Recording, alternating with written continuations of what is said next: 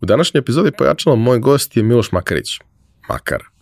E, konačno ovaj, jedan od e, naših, ovaj, odnosno od zvezdaša, e, moj dragi prijatelj i osoba koja mi prethodnih nekoliko meseci dosta pomaže oko vraćanja u fizičku kondiciju i rešavanja tih nekih e, problema sa posturom, kičmom, vratom i svim ostalim stvarima koje dolaze kao posljedica onoga kako radim i čime se bavim. On je jedan od uh, ljudi koji su uh, vrlo prepoznati u, od strane stručne javnosti, posebno u, u, obliku, u domenu sportske rehabilitacije, ali danas smo pričali o tome št, kako i sportisti, ali i obični ljudi mogu da počnu da malo više vode računa o svom zdravlju, jer ono jednom kada se, kada se naruši, jednom kada napravimo sebi problem, uh, rešavanja tih problema obično zahteva mnogo više rada nego da smo prevenirali to što se desilo. A računam da je početak godine možda idealan termin da počnemo da se bavimo možda nekim malo do, boljim stvarima i da malo više vodimo računa o svom zdravlju.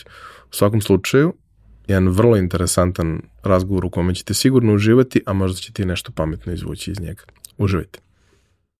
Realizaciju ove epizode podržala je kompanija Epson, koja je vodeći proizvođač projektora i štampača za sve namene, od kućne i kancelarijske upotrebe do profesionalnih uređaja koji se koriste od maloprodaje do industrijske proizvodnje.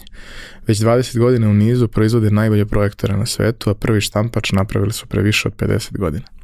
I dan danas svaki godin ulože preko pola milijarde dolara u istraživanje i razvoj novih proizvoda sa fokusom na održivo poslovanje i očuvanje životne sredine.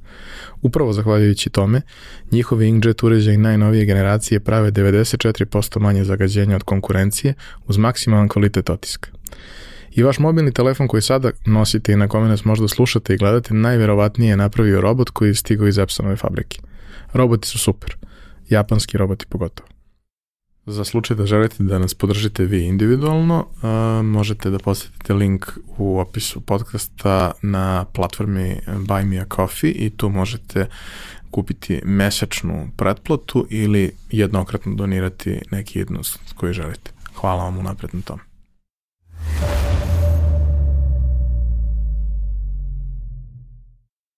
Miloš je dobrodošao. Ti si ovde zato što je ovo tema kojom se u suštini nismo bavili u, u ovom prethodnom periodu, a pokrili smo baš mnogo toga.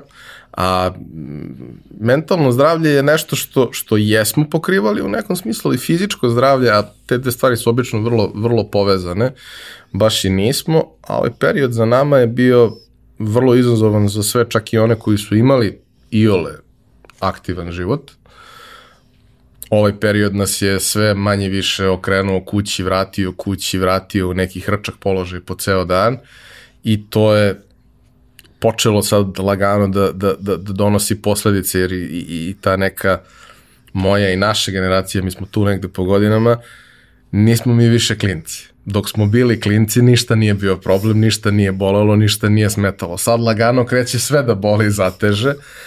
I onda mi je bila ideja da prvo ispričamo tvoju priču koja je veoma neobična, interesantna i ti si neko ko je u tvojoj struci izuzetno cijenjen, poštovan zbog rezultata koje imaš, ali i zbog pristupa radu koji imaš i procesu ovaj, učenja i edukacije kroz koje si prolazio i primene toga svega, ali i zbog toga što je to tema koja nam je vrlo značajna. Tako da, dobrodošao. Bolje vas našao. Uh, krećemo tako što ćemo ispričati tvoj neki životni put, kako si došao do ovde gde si sad, a onda ćemo se baviti i samom strukom i pa vrlo konkretnim savjetima kako možemo da živimo bolji, zdraviji život i šta su neki, šta su neki signali koje nam telo šalje koje bismo trebali da slušamo, da ne dođemo u situaciju da popravljamo nešto što smo mogli možda i da predupredimo, ali krećemo od toga kao i sa svim ostalima naše mančmelo pitanje. Šta si teo da budeš kad porasteš? Kad porastem, pa kao i, kao i svako dete sanjaš, sanjaš o uniformi. A meni ono što je bilo zanimljivo, to je bilo vatrogasac. Ne znam odakle to, ali ono, kao baš klinac, klinac 5-6 godina, prvi razred, vatrogasac sad zbog čega se to, ne znam, zbog čega sam želeo to. Ali svi, svi, znaš, baš ono 100, 140 i kusur ljudi je ovde prošlo i većina prvih ono, asocijacije koje ljudi imaju su, su neke uniforme prvo što, što oni svi izgledaju kao superheroji nama u tom trenutku, apsolutno. Drugo, voze se na nekim interesantnim vozilima to koji da. imaju boje i sve ostalo.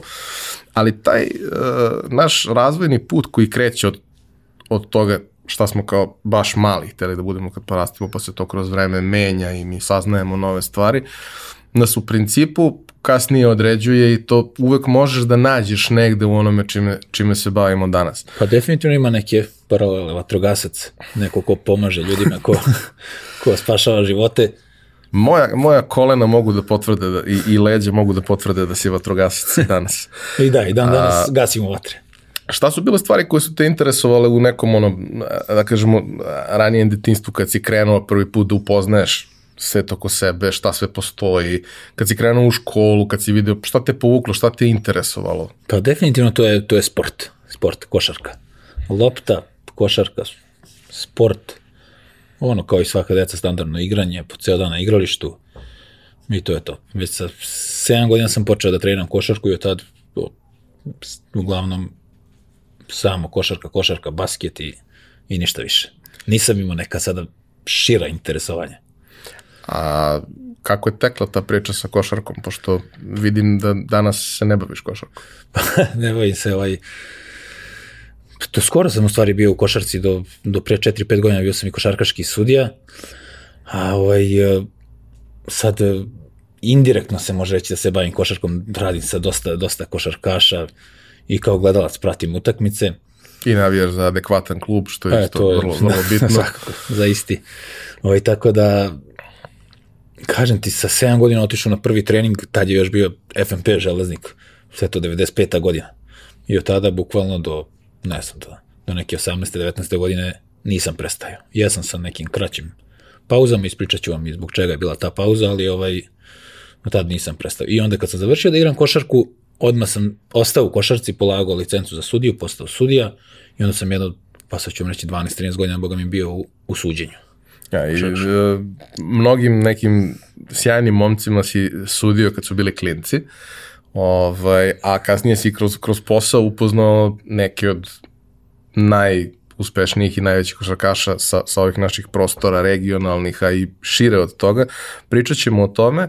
A, većina ljudi koje, koje se zaleti za, za neki sport, ima nas, ima nas dosta koji smo sebe videli u toj priči, u nekom trenutku uh, skapiraju da to nije više opcija ili da nije za njih ili da nisu dovoljno dobri ili im telo pomogne da shvate da ne mogu baš da izdrže sve te napore ili da možda ti napori kojima su bili izloženi nisu bili adekvatni za njih u tom trenutku. Uh, I onda se ta priča nekad prirodno, nekad polu nasilno ili nasilno završi i ti dođeš u situaciju da sa 13, 14, 15, 16, 17, 18 godina koliko već, zavisi naravno kod, svakog od nas, ono što ti je bio plan i želja, ono što si, gde si sebe video, više nije opcija. Kako je u tvom slučaju došlo do toga i šta onda kad to više nije opcija? Tako je, pa kao, kao ovaj, kao klinac kad počinješ, naravno maštaš da budeš košarkaš profesionalni. I onda kako sazrevaš, ako si ole normalan i zreo, vidiš da nisi konkurentan, da, da, da ima dosta, dosta boljih od tebe i onda već počinješ da, da razmišljaš o, o drugim opcijama. E, meni je ta fizioterapija ovaj, e, asocirala me na sport. Kao i većinu ljudi isto danas vidim dosta kao aha, fizioterapeut, kao aha, sportisti i to. to. Mada pričat ćemo dalje o tome, to je dosta, dosta šire. I onda gledaš samo kako da ostaneš u tom sportu, kako da budeš konkurentan i onda mi se nekako stvori i napravi ideja o fizioterapiji. Fizioterapeut pomaže sportistima na putovanjima sa klubovima, učestvuje anegdote i slačionice, podrška ekipi, daje svoj doprinos i onda je počela, pa to je već bio neki, pa da, ne znam koliko, 12-13 godina već mi se budi onako kao ta svest da bi voleo da da ostanem u sportu i da bi možda fizioterapija bila nešto što što, što, što može da me ostavi u tom sportu. Moja, moja želja u tom trenutku je samo da, da ostanem u sportu i da budem konkurentan, da pomažem ekipi, da, da, da, da, da, da osetim taj timski duh. Da imaš svoju ulogu u timu. Ne? Da, eva, da imaš ulogu i da tvoja uloga barem 1% doprinese. a u mnogim slučajevima doprinese i, i, i mnogo više, jer u principu ukoliko ti svoj posao radiš kako treba, igrači budu bolji nego što bi bili, ređe se povređuju, kada se povrede bolje Ja, da, zacele na, na bolji način i brže se oporave i trajnije se oporave, tako da ta uloga je zapravo vrlo značajna i dosta puta kada sam pričao sa, sa nekim od, od, od profesionalnih sportista, uh, svi su, naravno, ko, ko je u sportu u kome ima prostora da ima svoj tim. Dakle, sport koji je dovoljno komercijalan, komercijalan da ti možeš da razmišljaš o tome da imaš svoj tim ljudi koji su ti Jasno, prava da. podrška. Svi su uvek isticali koliko im je važno to što imaju svog kondicionog trenera koji ih prati x godina unazad Tako i što je. imaju svog fizioterapeuta koji vodi računa o, o, o njihovom telu i doktora i tako dalje. A, u trenutku kad se ovaj opredeljuješ uh, da, da to bude smer kojim krećeš, to je u principu trenutak upisivanja srednje škole. To je neki prvi put kada mi u životu donosimo neku odluku tog tipa. Tako je, da. da Prvi je. put se opredeljuješ, znaš što sad naravno može da se desi i često se dešava, ti kažeš u srednjoj školi hoću ovo, pa shvatiš da nećeš pa odeš na nešto drugo dalje, ali Kod ti mene si to nije bio da slučaj, da, ja, hoćeš. ja, sam, ja sam jako rano, šta sam rekao, već šesti, sedmi razred, ali sad imam još jednu mislim, zanimljivu priču u osmom razredu, ovaj, koja je meni još pomogla da ja 100% budem siguran da, da želim da to bude fizioterapija. U osmom razredu ovaj, povredim koleno na onom, nekim aktivnostima nevezanim skroz od sporta, oklizam se u parku i bukvalno flaša mi se zabode u, u, u koleno i tetiva, ligament patele, to kolege znaju, pa znaju možda i, i, i ovaj i šira masa bukvalno, bukvalno puca. To se dešava u Banja Luci i naravno hip, puno krvi, hitna intervencija, operacija onda ja već u osmom razredu imam dodir sa operacijom, prebacuju me na banjicu sa ozbiljnom ortopedijom i onda jednog godinu i po dve dana ozbiljne, ozbiljne rehabilitacije. Ovaj, tako da u tom trenutku ja već ono 100% sam siguran kroz rad sa fizioterapeutima, kroz rad sa doktorima, vidim da mi se to više, sve više i više sviđa i bukvalno ta odluka mi je ja sam već bio usmeren, ali ta odluka je ono konačno ovaj, eh, mi pomogla da 100% budem siguran šta želim. Tako da srednju školu, ono, fizioterapeut i to je to, nisam imao drugih opcija. A, kako ti je bilo iskustvo sa, sa srednjom školom? Kakav je utisak, e, koja je vrednost toga što dobiješ, koliko je to primenjivo, aktuelno, koliko je iz tvog ugla danas kao profesionalca u toj sferi koji se mnogo usavršava i nakon toga, koliko je to bilo dobra polazna osnova? Pa ja sam, ja sam iz te srednje škole baš dosta dobio. Zato što moja srednja škola, to je, ne znam sad da li ste čuli, farmaceutsko-fizioterapeutska škola i ja sam godine 2004. upisivao srednju školu i to je prva generacija te škole koja je bila ogledno odeljenje. E sad šta znači to ogledno odeljenje? To je, e, to je škola gde nas ima 20 samo u razredu, dve grupe po 10 i veoma savremeno opremljeno sa bazenom za hidrokineziterapiju, sa svom aparaturom, e, sa odličnim profesorima, fizioterapeutima i ta neka ideja te škole bila ogledno odeljenje da posle srednje škole odmah ljudi krenu da da, da rade, bukvalno da dobijemo samo praksu. Mi smo u toj školi 70% imali praktičnog rada, a 30% ovih osnovnih, osnovnih obrazovanja. Ja mislim da je to čak, sad ne znam u ovom trenutku, u tom trenutku to je bila prva škola ovaj, eh, sa, tim, sa tim idejama, og- ogledna škola gde, gde ljude odmah od srednje škole usmeravaš na, tako reći, zanat. I njihova ideja je bila, vi kad završite u školu, vi ne morate ni da studirate, ne morate ništa, možete odmah da budete fizioterapeuti. Mi u prvoj godini već imamo kontakt s pacijentima, u drugoj, trećoj s bolnicama, kad bukvalno kad ko završi ovu našu školu, on je fizioterapeut već, već izgrađen. Ja znam dosta ljudi koji su je završili. E pa da, to imamo jednu Ovaj, zajedničku drugara. Tako je, naš dragi prijatelj Stefan Đaković i još nekoliko ljudi iz nekog njegovog okruženja, iz nekog mog okruženja uh, mlađih od, od mene tu negde tvojih ili njegovih godina, koji su to završili. Neki su ostali u struci, neki nisu, ali svi imaju jako puno reči hvale za to. E, Iako su škola, da. svi zapravo uh, zapali u isti taj sistem koji je, koji je došao sa, sa tvojom generacijom. Uglavnom su mlađi od mene 5-6 godina taman da, da, da zapadnu u to i kao koliko je to zapravo bilo praktično, koliko je bilo koliko ih je pripremalo za to da mogu da krenu da rade kasnije Da. u sistemu i koliko je iz nekog mog nekog ugla i, i razgovora sa njima koliko je bilo stimulativno da nakon završetka toga, da kažemo, formalnog dela obrazovanja sa same srednje škole, se oni ipak upredele da idu na konkretne kurseve, konkretne usavršavanje, jer ti prosto ono, to,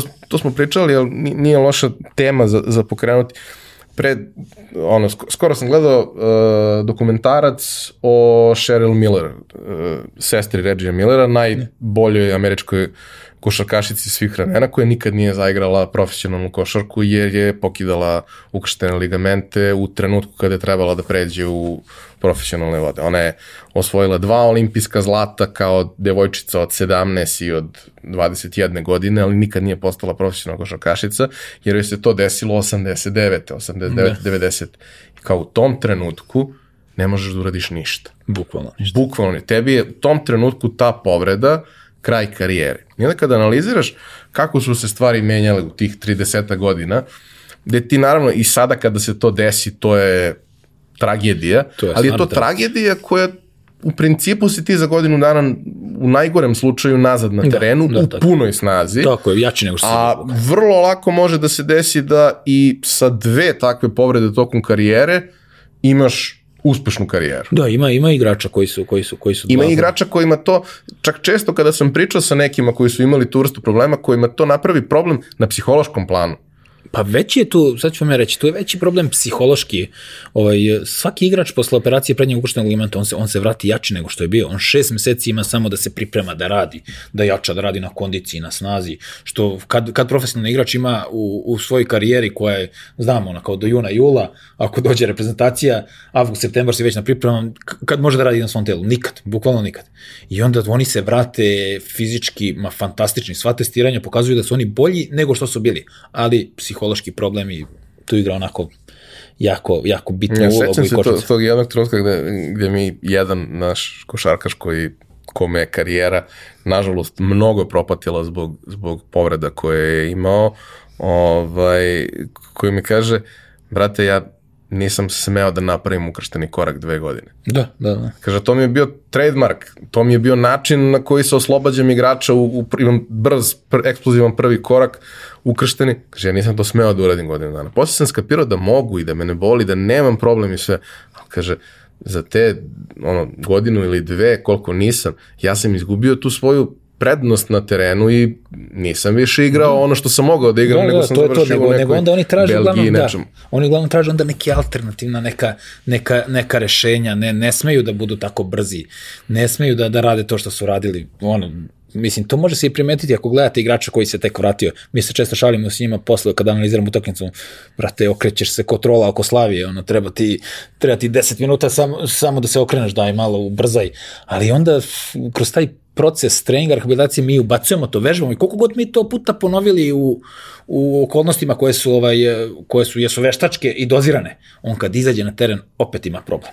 Pa naravno, mislim, prvi put kada ti se to desi, ti postaješ svestan da tako nešto može da se desi i to uvek stoji negde u malom mozgu i ne možeš toga da se oslobodiš tek tako, mislim, naravno i, i njih treba razumeti. No, moram ih razumeti njima od toga, karijera nije to, kao što mi gledamo samo kao, fe, lepo je, kao igra košarku, super, slavanje, ono, toga hrani svoju porodicu, svoju prvu porodicu, ženu, detu, hrani uglavnom i ženinu porodicu, tako da tri, četiri porodice zavise od, zavise od, ovaj, od, od, od tog igrača. I zamislite vi pritisak koji je na njemu u tom trenutku i strah koji on ima i, i iz neke faze gde si ti dobar, gde si, gde si, vo, gde si omiljen, gde, gde, zarađuješ puno, dolaziš samo da op, svi zaborave, svi stanu, ti ugovori isto, ajde dobro, hvala Bogu, malo su bolje sad definisani. To ima i nekih osiguranja, ima pa da, i svega, osiguranje i to, barem kao iskošto i ti godina, ali ako se ne vratiš ništa, ti staješ i ti sad skroz možeš da promeniš svoje razmišljanje, ko šta da radim sad, ako sad sam igrao kao 100, 200, 300, 500 hiljada milion,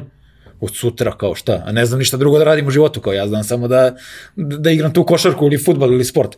Tako da onako jako teška psihološka situacija za, za igrače i stvarno treba ih razumeti, kao što si rekao. Ali ono što je tu fascinantno je to da se za tih, da kažem, 30 godina toliko toga promenilo. Što samo znači da zapravo struka napreduje, ima toliko novih uh, tehnika, metodologija, načina rada koje prosto, mislim, ni jedna škola ne može da isprati, posebno što kao pričamo, ti si u školu da. išao pre 17 godina. Mo, da, no, Za da. tih 17 godina se desilo čudo, ali ako te škola pripremi da imaš dobru osnovu, i da imaš način razmišljanja koji kaže ja Tako ću je. sada da pratim šta se dešava, Tako da vidim šta ljudi rade i da se usavršavam, jer moj posao je da na najbolji način pomognem ljudima, to onda vremenom napravi razliku i ti vremenom budeš sve bolji Tako i je. bolji i uvek budeš aktualan sa onim, sa onim što se dešava. To si, to si lepo rekao, škola je tu da ti da bazu, osnovno znanje i šta, da probudi u tebi interesovanje i želju. Da probudi u tebi interesovanje i želju da ti nastaviš da radiš i da ti da naravno bazu osnove anatomije, anatomije, fiziologije i tih osnovnih nekih studija i da ti samo otvori neke prozore da ti, da ti, da ti probudi želju da ti nastaviš ti da treš. A posle nakon škole, naravno, tek sledi ono, A, najbitnije. ono isto što, što, što uvek pitam sve goste, ovaj, to je naše poslovi.infostu.com pitanje, šta ti je bio prvi posao?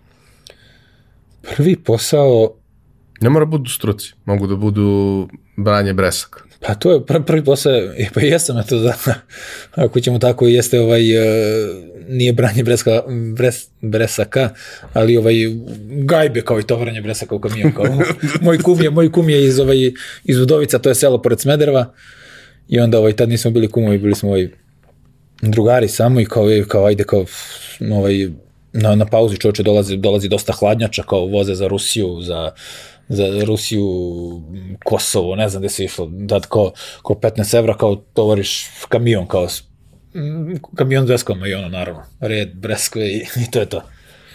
A kad, ti, kad si prvi put krenuo da radiš nešto u samoj struci? E, u struci sam ovaj, pa jako rano za nas, ovaj, ja sam skoro, mm, ti si one, upoznao si moj tim i uglavnom su to mlađi kolegi, ali nisu toliko mlađi od mene, su mlađi od mene dve, tri, četiri godine, ali su ovaj, uh, i onda oni me pitaju kao, šta ti kao, ti si kao ovaj, ti si ovaj, ti samo dve, tri godine kao stariji kao od nas kao nisi ti toliko bolji od nas, tako krošali. Ja njima pokažem sliku iz 2008. Košarkaški klub Torlak, znači koliko sam ja tada imao godina, 88. 20 godina, košarkaški klub Torlak sa 20 godina klinac, ono bio sam u stručnom štabu tog, tog kluba kao, kao fizioterapeut. I to je ono prvi posao u struci, jedno onako divno i fantastično iskustvo. Torlak je e, vrlo poznat kao jedna od e, filijala sa kojima radi Partizan i gde Partizan šalje svoje mlade igrače Da, na, to je ta na kaljenje. Da, da. Ove, no, Novica ima baš a, nekih živopisnih priča sa, sa Torlakom i Novica, Novica Veličković, bivši kapitan Partizana i moj prijatelj, ovaj, um, jer je on imao taj period prelaska iz juniorske u seniorsku Pa da, konkurenciju, težak period, da. kad je igrao juniorske utakmice, igrao za Torlak seniorski i bio trenirao sa seniorskim timom Partizana. I kaže, brate, ja, kako, kakva škola, kao što to, ne stižem, ja sam samo u busu i na treningu ceo dan. Dobro, dobro su onda kolena izdržala kako, kako je trenirao.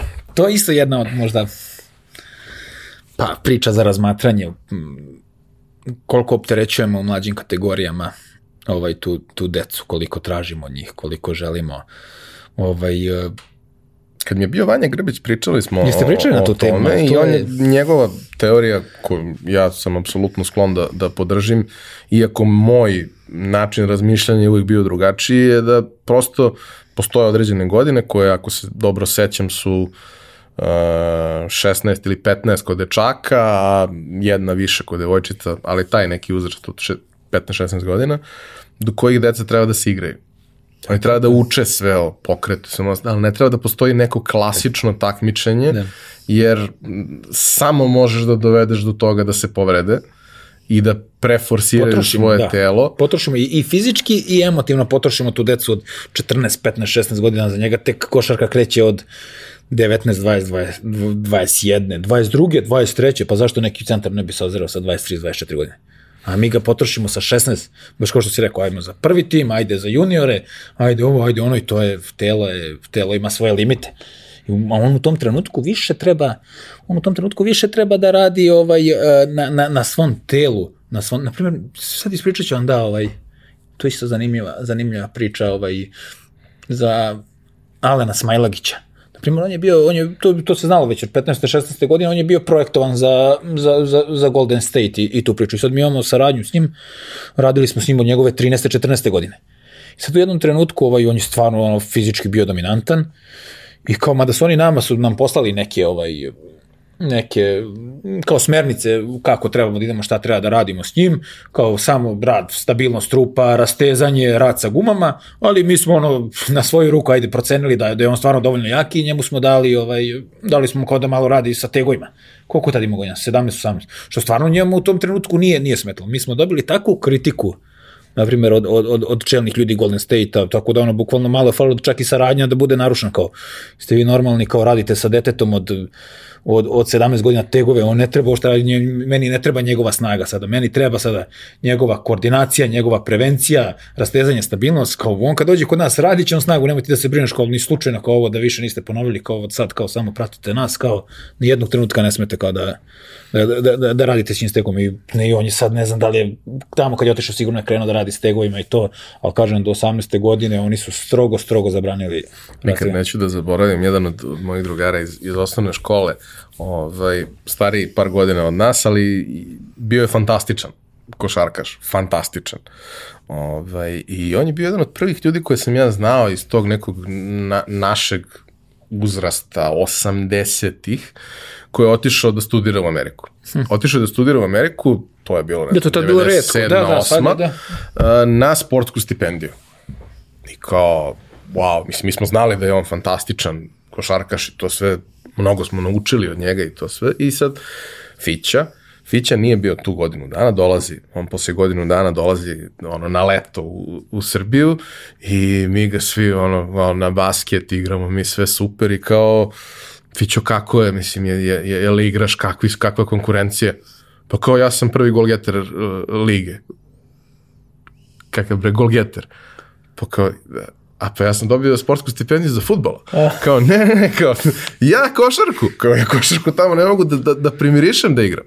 I sad, ono što se desilo u njegovom slučaju, a to pričamo pre 20 godina, sad je to sigurno i ekstremnije, on je došao, njegovo telo izgledalo potpuno drugačije nego što je izgledalo godinu dana pre toga. On je da. otišao kao vretena stiklinac, a došao je kao vretena stiklinac sa još 15 kila mišića. Da, da, to je... To je I koje su bilo potpuno izvajan, znači on nije grama masti dobio, ali je dobio mase, neverovatno, Amerikanci pritom igra futbal, da. soker. Da, da, da. Znači da. u tom trenutku kao soker, ne, da. nešto, ne, ne američki futbal.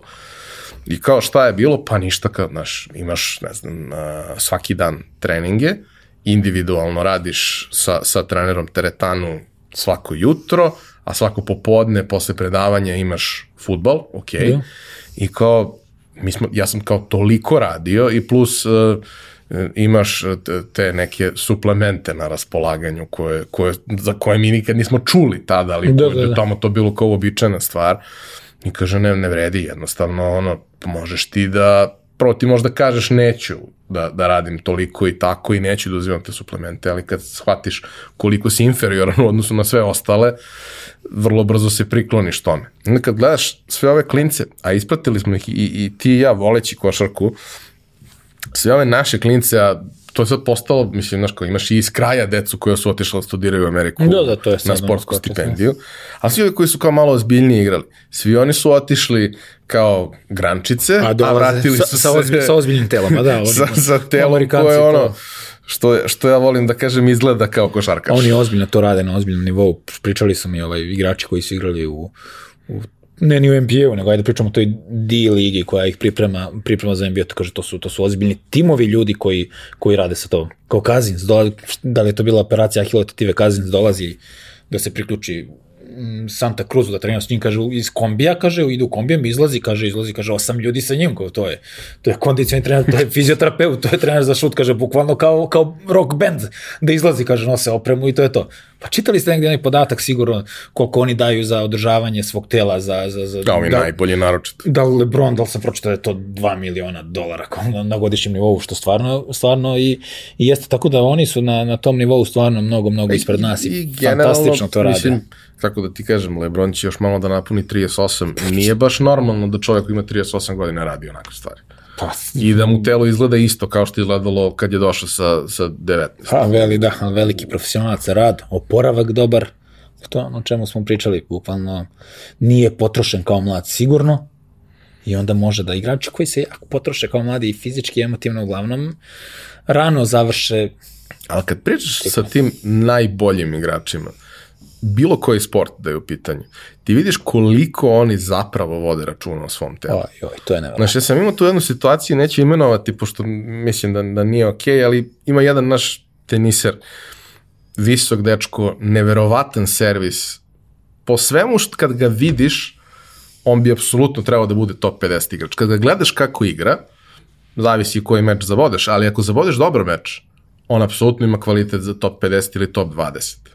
Međutim, ovaj, pitam ja u jednom trenutku ne, neko društvo, tu mi gledamo ovaj, neko njegov, neki njegov trening i trening meč i to sve, i kažem što brate, što nema bolje rezultate? On ima povremeno dobre rezultate, Da, da, kao, da. ali vrlo je sporadično, nema, nema, nema pravila nikakva. Što nema bolje rezultate? I mi kaže, dobro, e, vidio si da je sad došao iz slučajnih, znači sad, sad se pripremio, došao obuku i to sve, pogledaj mu prvi servis. Od prvi servis nemaš, mali je teren, nemaš ti sa tu merenje, ali po mojoj proceni prvi servis koji je servirao je 220 km na sat. Ja kao, dobro, šta misliš kako je njegovo rame? Pa rekao, trenutno mi deluje da je jako dobro. Pa kaže, trenutno je dobro. Ali pogledaj njegovu istoriju. On svaki put kad odigra dobro turnir, on se nakon toga povredi i dva turnira mora da preskoči. A, to je da, vaša priprema. loša. Kaže, evo, pogledaj, na primjer, imao sam prilike i to da gledam, to je velika privilegija kad, kad ovaj, imaš ono neke, neke ulaznice za, za Serbia Open svoje vremeno koje ti omogućavaju da sve vidiš. Imao sam prilike da gledam kako izgleda trening i zagrevanje Novaka Đokovića. Prvih 45 minuta to nije trening. To je lagano zagrevanje sa gumom, sa ono, razgibavanjem i svim ostalim, pa onda 45 minuta lagano kockice, pa posle dva sata on udara punom snagom. Da, da, on podiže kao, radnu temperaturu. Kako se, suštinski, ajde, nije, nije baš bukvalno, ali kako se nikad nije ozbiljno povredio u karijeri? Pa vodi računa. Vodi računa, ne dobar- zapinje. Dobar tim. Dobar Znaš. fizioterapeut Miljana Manović. Koji ga je Kum. pratio I kum, pazi, kum. Da, e, pa Znaš, to, pa to su ti, to su ti, to su ti odnosi ovaj, igrača i fizioterapeuta, to, to su toliko bliski odnosi da, da bukvalno oni u tebi nađu podršku prijatelja, kuma, tako da ovaj, mnogo vremena, mnogo vremena provodimo Mora da zajedno. postoji odnos poverenja. Poverenje, Znaš, da. nije, to, nije to lako. On tebi daje svoju karijeru i egzistenciju u ruke. Tako je. Mora da postoji odnos poverenja. I, mislim, vrlo je značajno kako si ti gradio svoju karijeru, koliko je zapravo to na preporuku i, i kroz, kroz pozitivne iskustva drugih ljudi. Mislim, u ostalom, i mi smo se upoznali tako što smo tako što sam ja dobio preporuku od, od, od kolege, jer sam u jednom trenutku odlučio da možda ne bi bilo loše da ponovo postanem funkcionalno ljudsko biće, jer to što sam smršao to je lepo, ali ajde sad da napravimo da to telo funkcioniše, jer kao Da, da, da, prilično da, mu- da mu izmučeno damo ovim podršku, da mu damo podršku. A, krenuo si da, da radiš u Torlaku, to Da, ti je da. bila prva, prva šljaka. A, kako ide tvoj, da kažemo, neki karijerni razvoj, tok, e, šta su, šta su stvari koje prvo krećeš da radiš, šta, šta, šta su neki interesantni momenti koji ti se dešavaju na početku karijere, ko su ljudi od kojih učiš, koji su ti, da kažemo, tu negde i autoriteti, ali i mentori, oni koji ti pomažu da, da se usavršiš? I u kom trenutku tu kreću da se pojavljuju i mogućnosti i, i prilike da kreneš sa dodatnim usavršavanjem. Pa da, to Torlak, to je, to je znači prva godina, prva godina ovaj, fakulteta i dve godine sam tu ovaj, sa, sa onako ovaj, jako dobrom ekipom i trenerima i onako jako ozbiljnom ekipom za tu srpsko-ligašku košarku.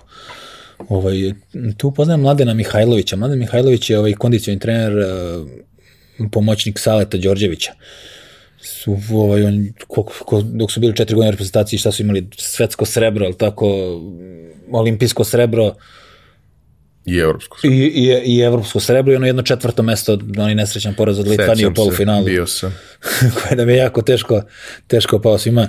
I onda ja u tom trenutku gledam u njega, on je 85. godište, tri, tri, ovaj, tri godine, ovaj, tri godine stariji od mene, gledam u njega i gledam nivo i količinu njegovog, njegovog znanja, njegove, njegove posvećenosti, njegovog rada, gde on u svakom trenutku samo se bavi uh, on je, on je kondicion trener, ali bavi se, bavi, bavi se oporavkom, bavi se telom igrača, samo priča o tome. E, I onda, i onda malo me više zainteresko čoveče, ovaj posao može da se radi malo na, na višem nivou nego što ga ja sad trenutno radim. A šta ja radim? Donosim led, masiram, bandažiram i to je to. Dobro, to je početak. Da, to, to je početak, da, nema šta. I onda upoznam njega i onako probudim i ovaj, probudim jedno onako malo pa, veću želju za, za, za, za sticanjem, za sticanjem novih znanja i za pa veću želju da budem veći, veći, veći profesionalac. I tako uz njega onako dosta, dosta, dosta napredujem više, kažem, ne, ne kao stručno, ok, stručno, ali, ovaj, ali, ali, ali me vodi u tome, vodi me na tom putu kao da, da, da, da budeš bolji, bukvalno uzor ti u tom trenutku, čovječ, ovaj momak je samo tri godine stariji od tebe, ali vidi koliko je, koliko je posvećen, koliko zna, koliko se bavi tim. I onda on brzo, on je jako i brzo, on je sa 24 godine otišao, ja mislim da je to bio Spartak Moskva, ženski klub, da potpiše prvi profesionalni, prvi profesionalni ugovor, tako da već je tad bio na nekom nivou da, da, da, da može, to je bila najbogatija ekipa, to je ono jedno vreme bilo kad je ženska košarka, ne znam da se sećaš Spartak, imao je mnogo, mnogo para i ono sa 23 godina da ja kažem, puf, zašto ja sutra ne bi, ne bi mogao ovako, samo treba da, da nastavim da, da radim. Tako da taj Torlak posle ovaj, posle u, u srednjoj, u srednjoj, na, pri kraju više škole počinjem da, da, da, da stažiram, da volim. Tad je bilo nekako mnogo manje prilika, mnogo manje ordinacija, mnogo manje, ako se ne, ne zaposliš državno, a ne možeš da se zaposliš državno, ti imaš 3-4 ordinacije u gradu i to je to. I počinjem da, da stažiram kod, kod doktorke Olge Popović, to je cetinska fizika. I tu sam jedno godinu dana bio isto, to je kao istražiranje, volontiranje, rad za džabe. I tu sam, ovaj, tu sam onako dosta, dosta naučio tog, e, tu sam više naučio taj biznis, biznis model, tad sam ono počeo malo da razmišljam, čoveče, vidi ovde ima 30-40 ljudi dnevno u toku dana, 2000 dinara je jedna terapija, naš četvoro kao tu radimo, tu, tu, tu mi se već onako malo i dopadne kao ta neka druga priča kao ovo je baš, ovo je baš dobro, ovo je baš profitabilno. Ovaj, sagledavam, sagledavam sve aspekte, sagledavam kako, kako, kako jedno preduzeće funkcioniše i onda, i onda, i onda, i onda se budi ta ideja ovaj, fizioterapija i kao biznis, ako se to može nazvati biznis, ali ili, ili dobit profit od, od, od te fizioterapije. Naravno, to je tek, tek početak.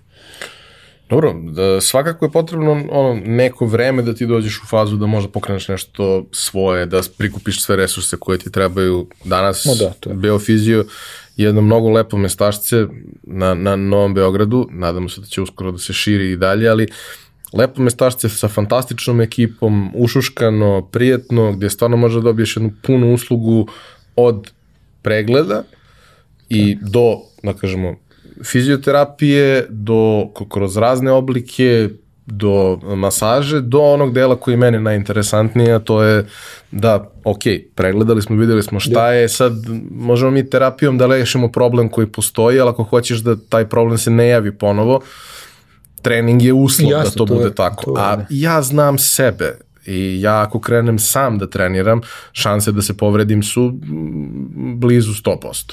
Mislim, možda u startu ne, ali vremenom ja ću sigurno doći do toga da preteram jer prosto sam takav. I ovde gde imaš ono, fantastičan tim uh, sjajnih mladih ljudi, profesionalaca koji ti pomažu prvo da radiš prave stvari, da ih radiš na pravi način, da e, neko uz tvoju pomoć i feedback to dozira na adekvatan način i kao, evo, mislim, ja idem mesec dana i realno već osjećam neke benefite Benefit, svega ne. toga, a nisam ja došao u užasnom stanju ali je bio niz nekih problema koje prosto moraju da se reši nam 36 godina. Ako ih ne rešim sad sa 40 godina će biti pet puta veći nego što da, su sad. Sigurno, da, ne, ne, neće, ne, neće biti bolje, može samo da bude... Znaš, to je ono kad smo imali 20, 2, 3, 4 godine, da, može. možeš da spavaš u kadi, probudiš se ujutru i nemaš problem Ništa, nikakav. da, pa, Ali prođe God, neko godinama, vreme. Godinama, do godinama dolazi to na... Malo, na malo godine, malo kilometraža. Da. I Tako prosto da. stvari, se, stvari se komplikuju. E sad, a, ti si, uh, kažemo, kroz, kroz tu celu priču uh, i kroz praktičan rad uh, i kroz uh, višu školu i kroz uh, sport lagano dolazi do nekih novih saznanja. A, šta tu sve može da se radi, kako bi to trebalo da se radi. Mnogo tih stvari koje su poslednjih deseta godina krenule da se dešavaju, da mi zapravo imamo neko ko se bavi na taj način oporavkom. Ja sam prvi put išao na, na, na fizioterapiju ono, u dom zdravlja pre 25 godina kad sam uništio kolena i kao uh, bilo je besmisleno. Mislim, bilo je potpuno beskorisno za nekog ko ima 14 godina.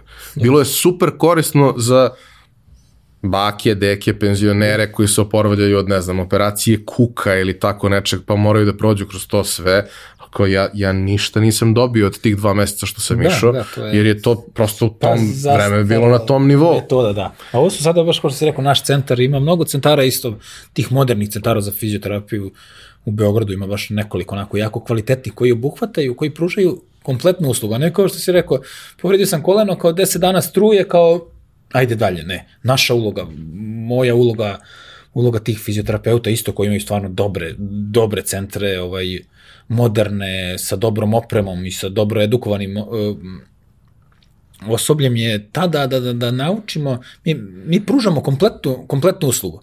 Uh, kod nas dođe pacijent pravo iz bolnice, nebitno, operacija ligamenta ramena, šta je, i prolazi pregled doktora, fizikalnu terapiju, stra, struje, lasere, rad sa fizioterapeutom, kineziterapija, razgibavanje ramena, sve i onda na kraju dolazimo do toga postepen ulazak u trenažni proces, to je ono, primjer, što ti sad sa saletom radiš, kao trening, sve, bukvalno on kad izađe iz našeg centra, on odmah može da izađe na teren.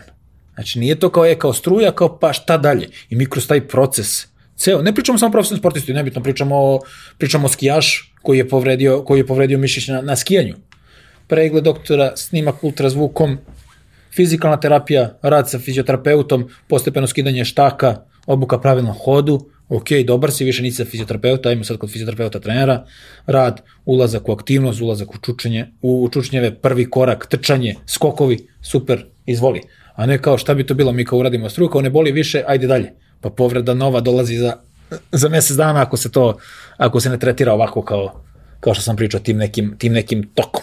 Tako da bi... ono, ono što mislim da je, da je vrlo značajan tu korak je prvo činjenica da uh, je određeni deo sportista počeo mnogo više da vodi računa o svom telu, da. pa je to stvorilo potrebu za profesionalnim ustanovama koje se bave time, a onda i da je sve veći broj običnih ljudi krenuo da razmišlja o tome da ta jedna uh, povreda koja se desila u nekom uzrastu, bilo da je to od, od ono detinstva ili je to sa skijanja u 45. godini kad e. smo malo pre, ili sa futbala u 45. Da, kad malo to, preteramo. To ovaj, da to ne mora da bude, ok, verovatno više u 45. ne treba da igraš futbal četiri puta nedeljno sa prijateljima i da zapinješ, ali ne znači da ne treba da budeš funkcionalan čovek i da možeš normalno da funkcionišeš, hodaš i sve ostalo, jer ako imaš taj problem u 45, kako će da izgleda tvoj da, život u 65? Hodaš, hodaš planinoriš, pa nebitno da igraš i futbol i basket, ali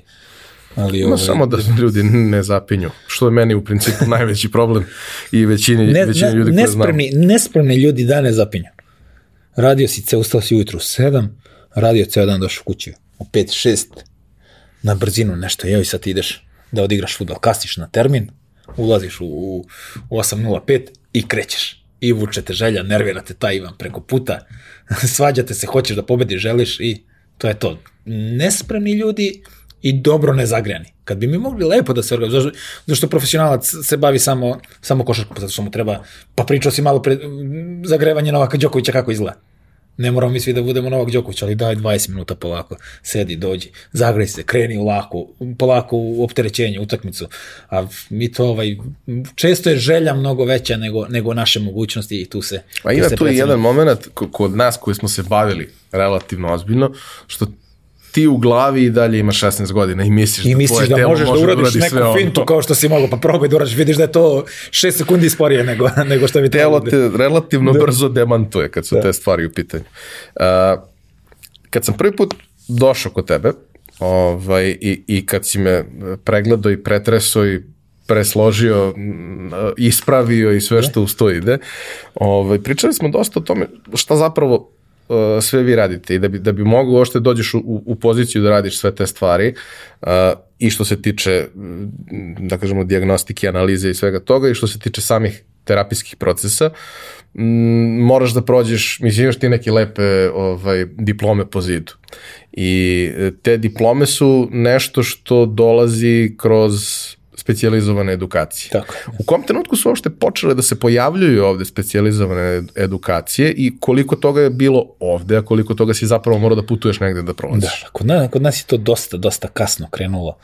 Ovaj, na primjer, moj kolega Filip Volšek, ja, mi smo 2000, sad ćemo reći, to je bila 2013. godina, mi idemo u Mostar iz Beograda, idemo u Mostar, Hrvati su organizovali edukaciju, mi idemo u Mostar iz Beograda da se edukujemo, da završimo e, Siriaks kurs Stevena Dekonika, Steven Dekonik, belgijanac, najbolji evropski fizioterapeut, ima svoju tu Siriaks metodu, ma, mm, fantastičan lik, ono, ti kada odeš da slušaš njegovu edukaciju, ti u stvari onda vidiš u stvari šta je, ali, ali, ali, ali ono što je, što je nama ovaj, u tom trenutku smetalo, mi, mi, nemamo, mi nemamo to u Beogradu mi nemamo to u Beogradu, nego 2013. moramo da imamo Mostar. A sada je 2016. 17. otvorilo se par tih nekih centara za edukaciju fizioterapeuta i dovode sjajne inostrane predavače, tako da sad je to veoma dostupno i kod nas u Beogradu, bukvalno ne moraš da ne moraš da ideš u inostranstvo, mislim, ne moraš. Bilo bi poželjno otići, otići u neki sistem, vidjeti kako funkcioniše.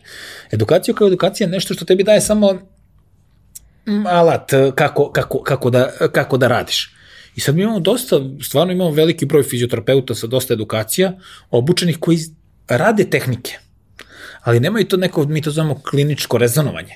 Da ti odeš da vidiš, da, da vidiš kad tu tehniku treba da upotrebiš, kako da upotrebiš ovi prodavci edukacije, oni dođu samo da ti pokažu tehnike, a podrazumeva se da, da, da, da, da, da znaš ovaj, klinički da rezonaš. Tako da, kažem ti, mnogo se, mnogo se to popravilo, imamo dosta, dosta škola, dosta ovaj, uh, dosta ovaj, tih stranih edukatora koji dolaze u Beograd, ali onda ono što bih preporučio svima da odemo u neki centar sa strane da pokušamo da uhvatimo celu tu njihovu, njihovu strategiju i rad, to je možda nešto što nam, što nam, što nam nedostaje. U kom trenutku si ti prvi put imao prilike da radiš ono, nešto sa nekim izvan ovog nekog našeg ovde lokalnog sistema, lokalnih klubova, ljudi koji su u principu dostupni jer su tu. Da pričamo o tim stranim... Pa ili o, o stranim klubovima ili o našim igračima koji su Aha. prosto odlazili i e, pa da. razvijali neku priču i i Jasno, dalje da, imali da, da. tebe kao osobu od poverenja. Da, da, pa ja sam, ja, ja, ja sam imao tu, tu, tu sreću da, ovaj, na primjer, sa, sa Lukom Mitrovićem, našim ovaj, bivšim kapitenom, ovaj, sadašnji igrač, hvala Bogu, koji u sezonu igra. Fantastično. Fantastično, stvarno, ovaj, to, to je bilo, kak, on je igrao u, on je igrao u Bambergu tada, sad ko je to godina, 2000, 2016. Tako nešto, da. Da, i to je ono bila ona njegova standardna povreda sa onim dislokacijama čašice. Imao je dve i onda je, tu, je, tu, tu je doživao tu treću i to je bila operacija i onda sam prvi put ušao u taj njihov, njihov sistem kako, ovaj, kako bi kako bi mogao da ispratim, išao sam, išao sam da razgovaram tamo sa, sa Nemcem, prisustvovao sam operaciji, razgovarao s tim doktorom, a onda posle toga ovaj, ostvario tu neku komunikaciju sa, sa njegovim, njegovim stručnim timom, gde smo mi tražili ovaj 6 do 8 nedeljka oporavka u Beogradu, to njemu mnogo više znači nego da, da sedi tamo. Oni su nam dozvolili, dozvolili, ali bukvalno radio sam po tom njihovom principu, radili smo, sarađivali smo, bili smo stalno, stalno na, na, na liniji. Tu onako uviđam onako, uviđam tu nemačku, nemačku disciplinu, princip rada, pristup, ovaj, e, saradnju sa, sa njegovim doktorima, sa, sa kolegama fizioterapeutima. Tako da to je onako jedno pozitivno iskustvo gde sam upoznao, upoznao ovaj, tu, tu stranu ovaj, e, organizacije. A na primjer sličnu stvar smo teli sa, teo da uradim sa, sa Ognjenom Kuzmićem u Madridu. I sad išao sam, išao sam isto tamo u Madrid kod njega, razgovarao sa, sa njegovim doktorima fizioterapeutima gde su oni rekli, naš dečko, ok, verujemo mi da ste dobar, ali mi ovog igrača plaćamo milion, šesto hiljada, osamsto, ne znam koliko bio njegov uro u tom trenutku, kao neka, on će se oporavljati, oporavljati ovde. Tako da, E, Ljudi čuvaju investiciju. Da, ni, ni, ma nisu, ma nismo ono kao, nisu mi dali da priđem, kao, ma ne možeš, ja kažem, ali dobro, evo, ajde napravite program, evo ja imam opremu, evo vam moj centar u Beogradu da vidite kakav je, kao, ma, kao, znaš, kao, ma ne dolazi ovo. Ma dobar si ti, dečko. Dobar dečko, kao, ajde, pali, kao, mi imamo kao svoje fizioterapeute, ne verujemo nikome i to je to. Tako da tu, na primjer, nisam, nisam naišao na tu, na tu podršku tima. To je, jer svi tu fizioterapiju vezujemo za profesionalni sport, ali to je u profesionalnom sportu jako teško, zato što ti svi dobri igrači imaju, imaju ovaj, uh, velike ovaj, e, profesionalne ugovore onda je jako teško ti možeš da, mi uglavnom zadobijemo njihovo poverenje, to nije, to nije sporno i oni ono, oh, hoće, kod nas žele, ali kad dosi do neke tako ozbiljne povrede, ti moraš da iskomuniciraš sa klubom, zato što su igrači to kluba.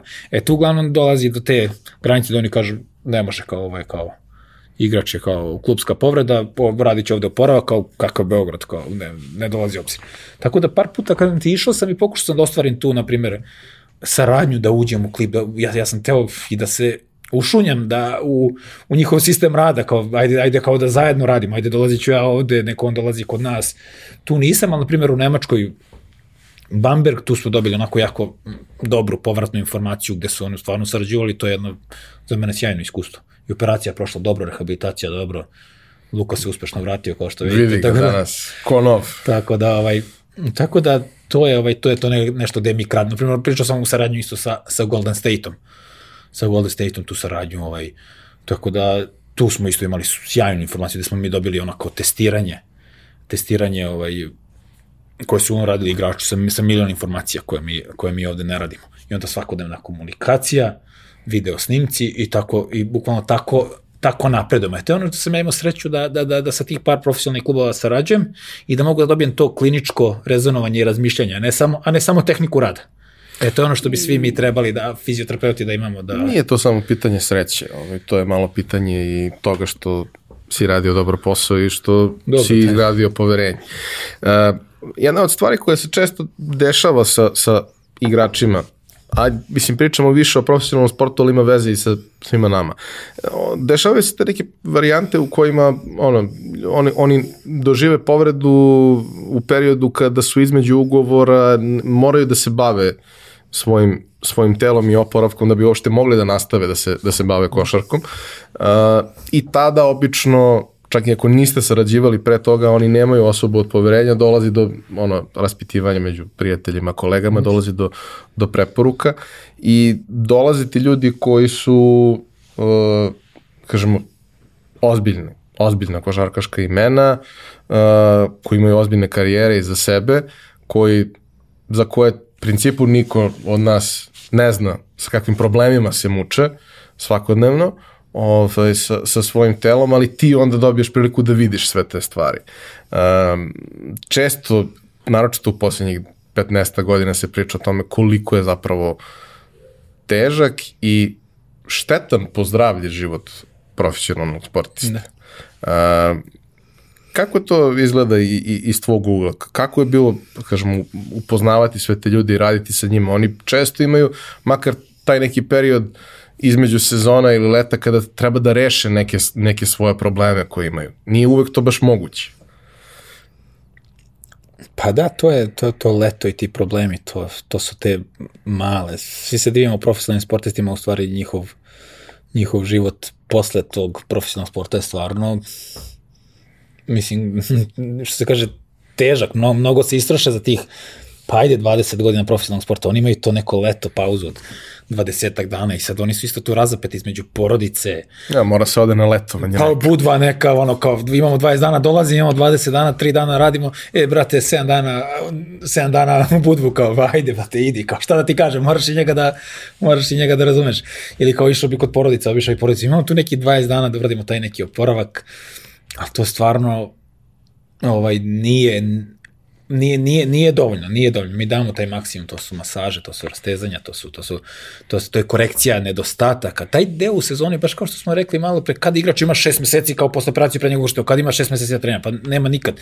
E onda to je taj deo kad bi mi trebali da vidimo, da korigujemo te nedostatke, da, da uradimo ta merenja, testiranja, da vidimo da li je opterećenje na desnom kolenu veće nego levo, da li je skočni zlob e, manje mobilan i da ih, i da ih korigujemo i onda da ga u, u sezonu ovaj, uvedemo spremnog i što se kaže nacentriranog, bez, bez, bez bez tih nekih uh, faktora rizika koji mogu dovesti do, do te povrede. Tako da to je to leto, nekih 20 dana leti i tad, ovaj, tad, tad, tad mi najviše, najviše ovaj, radimo s njima i, i sarađujemo. To je... Uh, ima si jednu zanimljivu priču, mislim da je interesantno da je pomenemo, sad ti proceni da, da li ćemo i ime da pominjemo ili ne, mislim da i možemo, ali kažem ti proceni.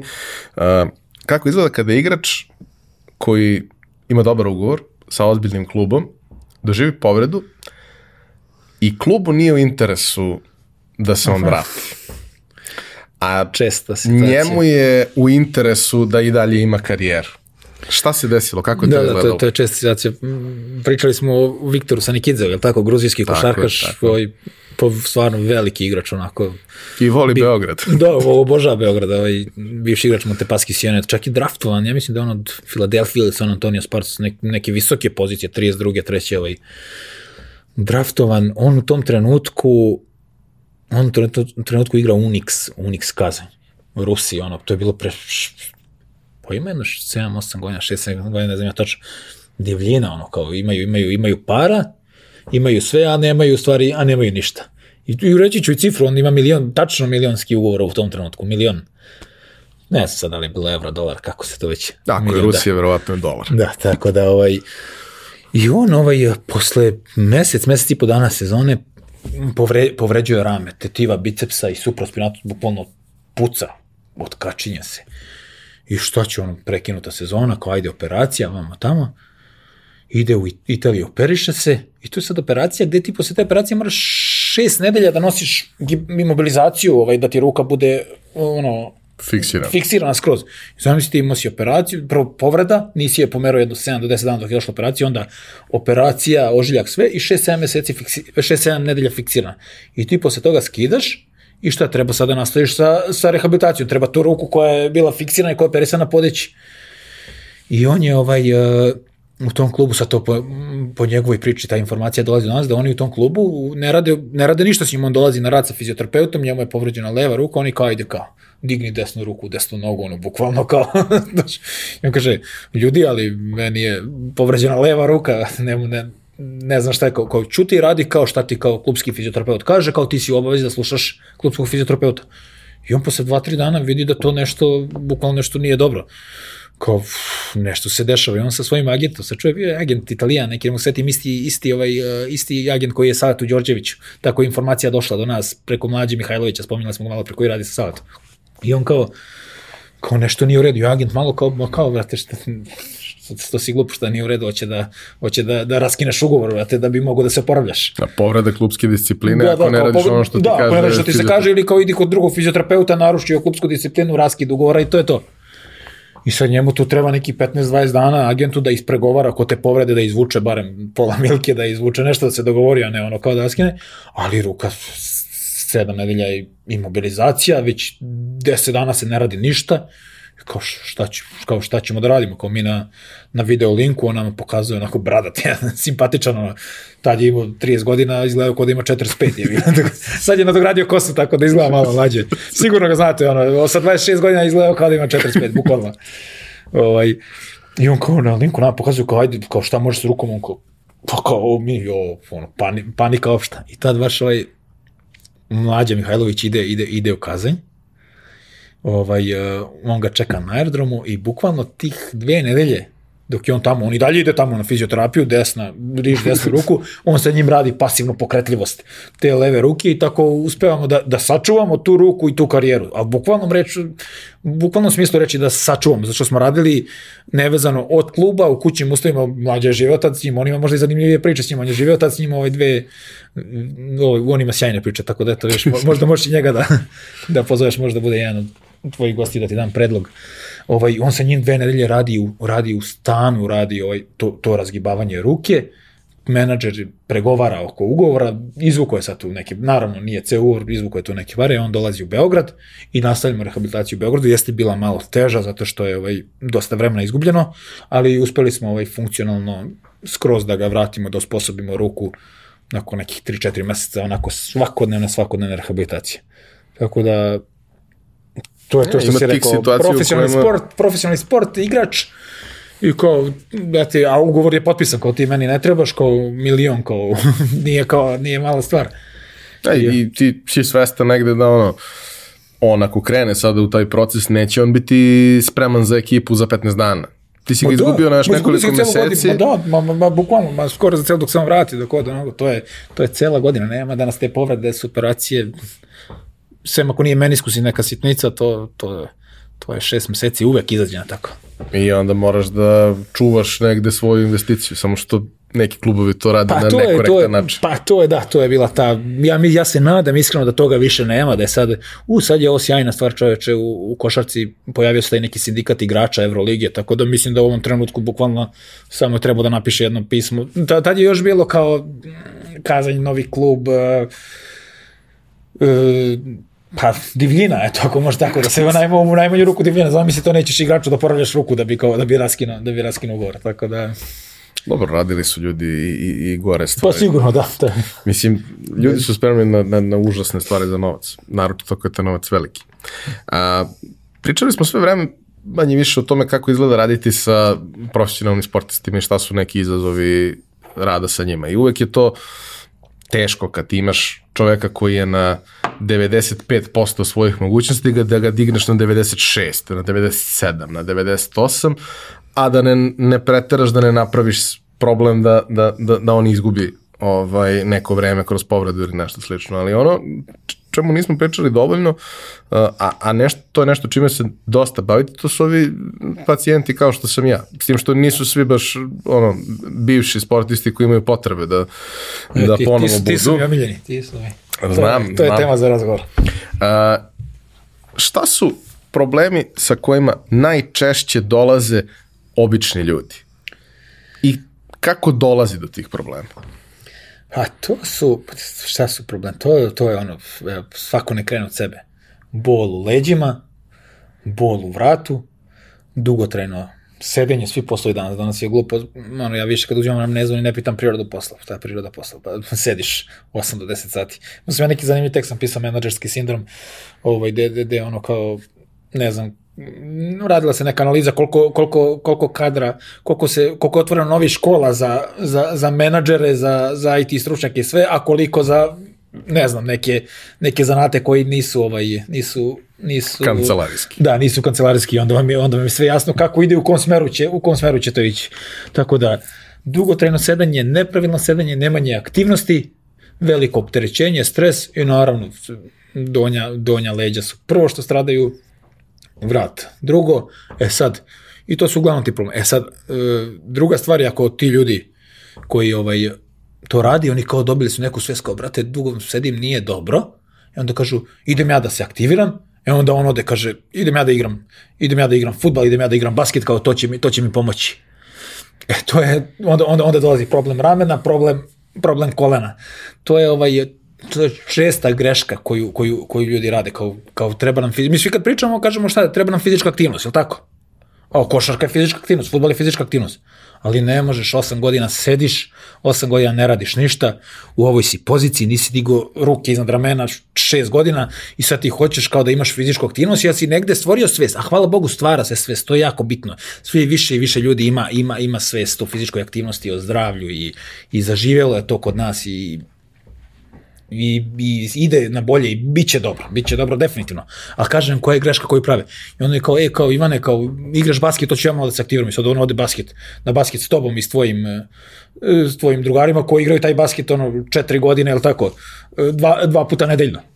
I naravno, da, pa kako ćeš ti iz, to, iz te pozicije gde si ti skroz statičan, gde tvoji mišići nisu fleksibilni, gde tvoja snaga nije loša, ti ćeš da, da odigraš neki basket, da uradiš u sat vremena, više pokreta nego što si uradio i veće opterećenje nego što si uradio za šest godina. E, tada dolazi do povrede upale tetiva ramena, kolena i to je, kažem, imamo, znači imamo leđa, vrat, ono što smo pričali, to su ovi samo koji sede, a drugo je ovi koji zbog neadekvatne fizičke aktivnosti krenu u neku aktivnost da bi rešili to, a onda naprave, onda naprave drugi problem.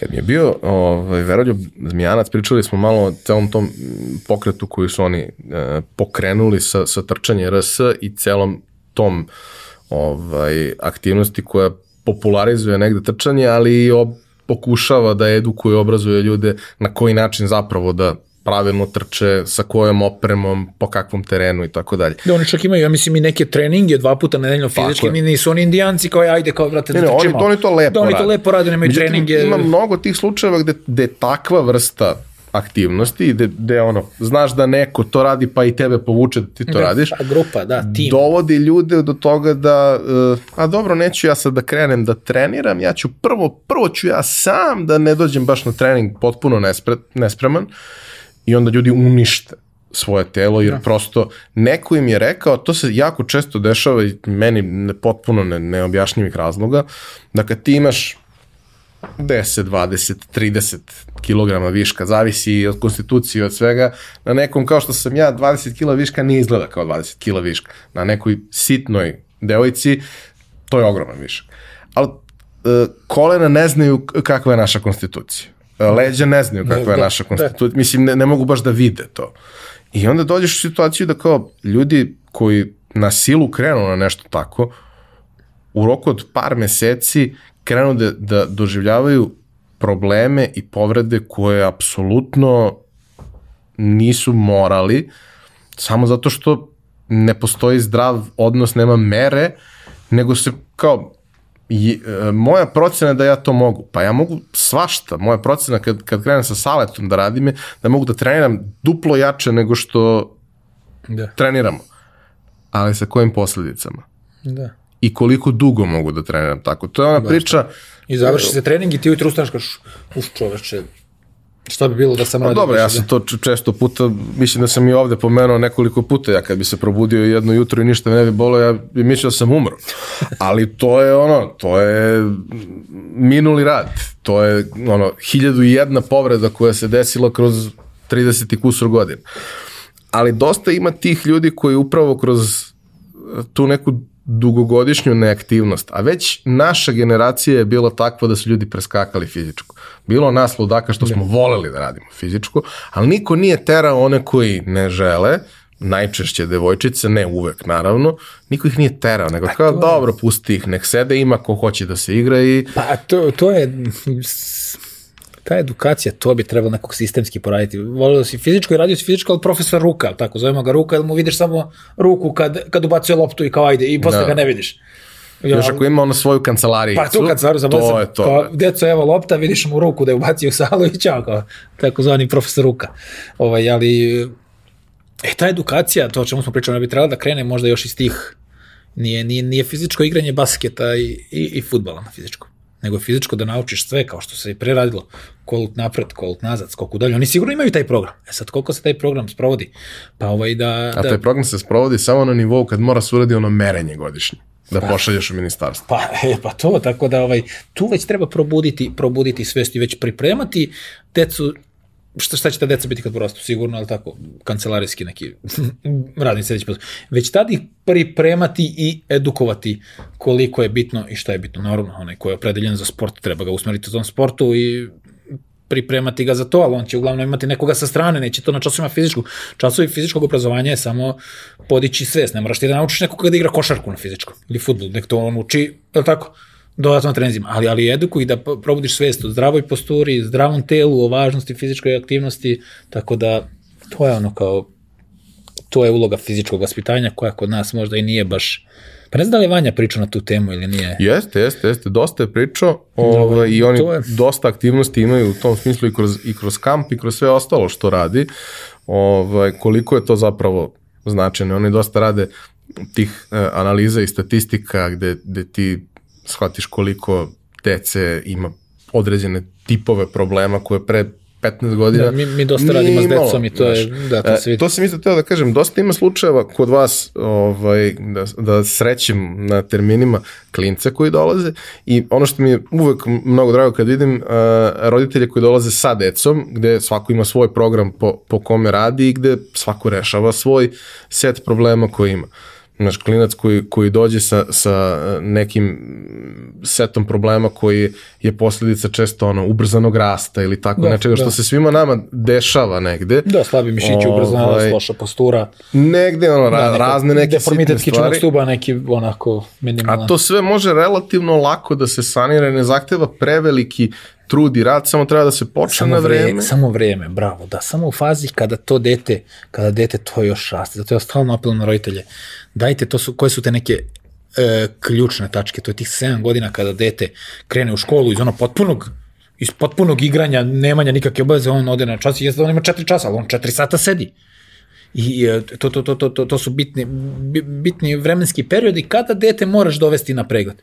Polazak u školu, ubrzan rast. Ako vidiš da dete izđigalo 10 cm u toku 6 meseci, godinu dana, odmah na pregled, jer tada, tada dolazi do toga da, da, da, da, da mišići ne mogu da isprate koštani razvoj, tada dolazi do, te, do skraćenja mišića i to skraćenje mišića često može dovede do nekog deformiteta i ako ga mi uvidimo odmah, rešit ćemo ga bukvalno za, za mesec dana. Ali ako ga uvidimo za 2-3 godine, kada je rast i razvoj završen, kada je to već postalo strukturalno, e tu onda više, više, više nema pomoći. Tako da 16. 17. godina, to je ono krajnji, krajnji cilj bukvalno za, za, za, za, za rad sa detetom da bi moglo biti uspešno. Tako da 7 godina, 10, 11, 12, 13 godina taj, nagli, taj ulazak u, u pubertet, nagli rast, to su, to su, to su ovaj, uh, alarmi, alarmi za roditelje kada moraju decu dovesti na, na pregled, pregled posture. To je pregled koji traje 15 minuta. Pogledaš stopala, kičmeni stub, kolena, vidiš da li je došlo do nekih deformiteta i to je to. I onda koriguješ, to se jako, jako uspešno ispravi ako je, ako je, ovaj, ako je otkriveno na vreme. Ja sam pre par godina imao neku ovaj, situaciju sa, sa nekim problemima sa, sa kičmom, da hajde da dam ljudima i kontekst, pošto je interesantno jer je suludo, a većina mojih priča sa, sa zdravljem su sulude, ja sam uspeo sebi kašeljem da napravim diskus hernije. Aha, Kako? Ej, ali ajde da pričamo o tome, da li je kašelj? Uh, za, ali kao uh, kašalj Jesu... koji je dugo trajao, ali nikom nije bilo jasno zašto on uopšte postoji, jer nema ni jedan razlog da bi se na kraju ispostavilo da je alergija, alergija koju ja da. nikad nisam imao pre toga respiratornu, nikad nisam imao problem sa tim, 30 i kusur godina nisam imao problem, ali zagađenje sve ostalo u nekom trenutku triggerovalo. I nebitno, nađem ja mog veselog ovaj, doktora koji mi je rešio i alergiju i još neke stvari vezano za, za, za te probleme ovaj, disanih puteva. I uh, međutim taj problem sa, sa, sa diskusijernijom se ovaj, nastavi, rešim ga ja kod, kod uh, lekara, dobijem terapiju za protiv bolova i to se smiri. Međutim, ja shvatim da postoji problem i da ako ne uradim nešto po tom pitanju, prvi sledeći put će taj problem biti još gori i još bolniji i još teži, jer ja stvarno nikad pre toga nisam imao tu vrstu problema. Ovo je stvarno bilo, bio je takav period gde, gde je taj kašalj bio izuzetno da. agresivan, Agresivan, nasilan. To je, I to ima objašnjenje, kao ljudi često kao, kažu, brat, kino sam ili, ili kašljem, ili kašćeš intra, intra taj duralni pritisak, pritisak u, u, u kičmenom stubu, kičmenom možda im se pojačava, pojačava i bukvalno taj diskus isteruje, isteruje nazad, tako da i zamislite 100, 200, 300, 500 ponovljenih tih ovaj, situacija. Tako I da, samo da, u nekom trenutku da, ostaneš u položaju. Da, samo op, i vidiš. I kaže, šta, šta se desilo? Pa niš, kino sam, pa sam se... Ali nikad do sad nisam, pa nikad, nikad do sad da, nisi imao ovoliko da. dana da, i godina da, koliko da, imaš trenutno. I ovaj, krenem uh, kod uh, fizioterapeuta koji mi je bio u, u, u blizini, koji je sjajan i jako lepo ovaj, uradio svoj, svoj deo posla u tom trenutku, ali pored, da kažemo, klasične terapije, mi smo radili neke vežbe. Naravno, prvi Radi dan kad nismo radili više vežbe zajedno, ja to više nisam uradio ni jednom i to je to. Ista priča kao i za kolena, ista priča za, za, za sve ostalo. Koga god znam, s kim god sam pričao, onog trenutka kad je prestao da ima uh, superviziju nekog, odnosno ja, ja negde verujem da je to koliko god to glupo i banalno zvučalo. Kad, si, kad te neko nadgleda i troši svoje vreme, I vreme tebe i... sramota da, da to ne da, uradiš. Da, da. Ali kad njega više nema, Prvo, ti si u fazonu... Prvo ukradeš od sebe. Od sebe mogu ah, da ukradem lako, ajde da ne, ukradem. Ne, ma da. sutra ću da uradim da, i da. prvi put kad kažeš sebi sutra ću da uradim, ako sutra ne uradiš, ok, kaže sebi, uradi sutra. Ako ne uradiš sutra, nećeš, nećeš raditi više nikad. Pa to je česta stvar. Pa ja, ja kažem, ovaj, ja se često šalim, ja takve pacijente najviše volim. Uf, super. Od njih se živi. Pa to, to su mi omiljeni na tri meseca, kada ja kad uradimo mi sad tu, kao što si rekao, tu fizikalnu terapiju, lepo, sve, ja sam njima, hoćeš li da dolaziš, mada to dolaženje zahteva i neko odvojeno vreme i, i novac i sve, ne, ne mogu da insistiram da neko, nego, ja, ok, ajde da te edukamo vežbe, kroz 3 do 5 termina mi njega edukamo vežbom, ja kažem, radi vežbe, Kao da, da, da, važi radit ću. Ja kažem, on dolazi za tri meseca opet. Sa istim problemom. Da, ja kažem, super, odlično, rekao, odlično. Ajde, rekao je, meni, meni da vidimo koliko, tri koliko meseca, pokušaja ćeš tri da meseca, deset terapija, odlično, pa na tri meseca opet momelina, kad ja kažem, ja, ja se šalim, to su, to su moji omiljeni pacijenti. To je, o takvi pacijenta se živi onda dok, dok, dok ne nauče stvarno da A to je u čoveku, u čim ti bude bolje, ti dođeš ukočen, ti ne možeš se pokrenuti, ti kažeš joj, sve ću raditi, da sa, samo da me prođe, samo da mogu da funkcionišem, samo da mogu da počnem da radim, ma sve, ma kako bol, prelazi već vidiš preskaču terapiju, preskaču ćemo da vežbamo, hoćemo, ali znaš, ba te posao, ovo, ono, tamo, vamo, a u trenutku kad si bolan, ma ništa te drugo ne interesuje, ono ti bude bolje. I naravno, tebi je bolje, ali šta, uzroci problema ostali isti. Šta je uzrok problema? Uzrok problema je je tako, ta loša postura, skraćeni mišići, slabost, slabost mišića, dobro genetika, ajde da ne pričamo o njoj koja sada, na nju ne možemo da delujemo, ali ima mnogo stvari na koje mi, telesna težina, mnogo stvari na koje mi možemo da, možemo da delujemo. I onda mi šta uradimo? Mi simptomski to rešimo, smanjimo bol, smanjimo napetost, ali i dalje je mišić slab. I dalje će svakodnevno opterećenje prenositi prenositi opterećenje na taj kičmeni stub, na taj intervertebralni diskus, je tako? I dalje, I dalje taj mišić je skraćen i dalje će vršiti kompresiju u kičmenom stubu. Nema rastezanja. Tako da moraju se rešiti to je ono što sam ja rekao kad sam spomenuo te naše centre, moderne centre, za razliku od fizioterapije kad si išao za kolana 10 terapija i čao. Moraju se rešiti, mi tražimo uzrok problema, da rešavamo uzrok, a ne simptom. Ne strujom da ti smanjimo bol. Struja je sjajna, pomogne ti stvarno, ali uzrok problema, ajde da sagledamo, ajde da vidimo zbog čega je to nastalo. Aha, Ivane, dobro sediš 8 sati, ok, to ne možeš da promeniš. Oni stari doktori kao, promeni posao, kao, znaš, promeni ti Nemojte, posao. smanjite stres. Smanjite sedenje, e, smanjite stres, pusti to. I dobro, znači ne možemo da utičemo taj faktor, ok, ne možemo da utičemo na taj faktor. Genetika, ne možemo da utičemo. Telesna težina, pa možemo da utičemo na taj faktor, je tako? Ovaj, snaga mišića, Pa naravno da možemo da utičemo. Fleksibilnost, naravno da možemo da utičemo. I sad smo došli do tri faktora. Telesna težina, snaga mišića, fleksibilnost mišića. Popravljanje posture, možemo da utičemo. I ta četiri faktora su veoma dosta su dovoljna da bi, da bi nadoknadili to sedenje ili tu lošu genetiku. Da, tako da, da, da stvarno to možemo uticati, ali opet treba, re, treba ući u uzrok, uzrok problema. Ne, a nije uzrok problema, nemoj da sediš. Ne, ne zato što svi sede. Nego uzrok problema je fizička aktivnost, da, pravilno ali, dozirana fizička aktivnost. Ali možeš i da ideš na to da, ok, sedi, ali sedi na dobroj stolici i sedi da, pravilno. Da, da, ergonomija, uh, sjajna, sjajna nauka. pravi, sjajna. ono, određeni, tu se zna, distanca, diferenca, visina, mi, mi to radimo, mi idemo po firmama mi, uf, ova korona je haos napravila sada zbog rada od kuće, to, to, to je strašno. Ja, ja vidjet ću ako budem, ovaj, već sam uzao neke podatke počeo da možda uradim i neku analizu, koliko ljudi dolazi sa problemima bola leđa koje nikad nisu imali jer su počeli da rade od kuće. A kako? Kao rad od kuće mesec, dva, tri, trepezarijska stolica, to, to, fotelja, to, to, to, to. pa i okej okay je to, 10 dana, 15 dana, 20 dana, mesec dana, ali ljudi ovo sve dužilo koliko je, dve godine, tako ne, godinu i po dve, ne znam ja pa, više. Skoro dve. Skoro dve godine. I ti sad godinu dana radiš uslovima neadekvatnim na lošoj stolici, na trepezarijskom stolu. Pa, pa šta si očekivao? To, to su problemi koji se nikada do sada nisu javljali u, u toj meri.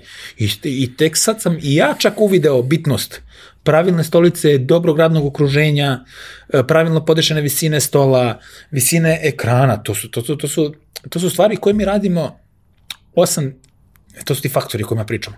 8 sati u toku dana minimum, je tako? I sad ti kao možeš i da vežbaš sat vremena dnevno, a 8 sati da, da budeš u nepravilnom položaju. Da li će to da, da, da, da se potreba? Ali ajde da napravimo što je bolje mogući položaj, da podestimo distancu, diferencu, visinu, stolice, sve. Da pravimo pauze. Da, da pravimo pauze na, na sat vremena, da uradimo par nekih vežbica ili stezanja. Ajde da vežbamo, ajde sve to da uradimo, pa da vidiš kako će, kako će biti bolje. Sigurno. Znači, ubeđen sam sad više nego ikada to radno okruženje je jako, ja, i jako bitno ovaj, za to, zato što sad kad je počela korona, mnogo ljudi dolaze i svi, je svi problem e, povezuju sa, sa početkom rada, početkom rada od kuće. A Tako da investicija za firme, kad... pravilna stolica, pravilna stolica, pravilna, ovaj, dobra stolica, ali a koji je naš problem? Sad ima tu ih u firmi naš koji imaju stvarno dosta para i oni su kupe te neke stolice stvarno dobre. A onda opet, opet dolaze ljudi. I onda u razgovoru, uglavnom su to ljudi, do, dođeš ti kome, aha, gde radiš, što radiš, ja ispitujem, vamo, tamo stupim u kontakt sa HR-om, i onda popričam onda odem ja u firmu i džabe tebi dobra oprema, ako ne znaš da koristiš, e onda im podesimo lepo visinu stolice, lumbalnu podršku, daljinu ekrana i mi to kad uradimo, imamo firmu u kojima smo to radili, ne možete da verujete koja je stopa manja kažem, nisam radio istraživanje, ali, ovaj, ali, ali u razgovoru sa, sa, sa HR-ovima i sa tim ljudima, mnogo manja stopa problema bolova u, u, leđima, i, u leđima i vratu. Dobro, mislim, uh, mi smo se upoznali preko zajedničkih prijatelja koji rade u Nordeus. A Nordeus je mesto da, koje da. ima, koje vrlo vodi računa o takvim stvarima iz prosto razloga što jeli, žele zadovoljne, uspešne ljude koji, da. koji rade za njih i žele da ti ljudi budu srećni, da se dobro osjećaju. jako se ulaže i u uh, opremu na kojoj se radi, jer to je sredstvo za rad. Tebi je taj radnik svakako skup, on te košta mnogo. Čoveče, nećeš razmišljati oko ono, alata sa kojim taj čovjek radi, da. ako on može da bude efikasniji, bolji, srećniji.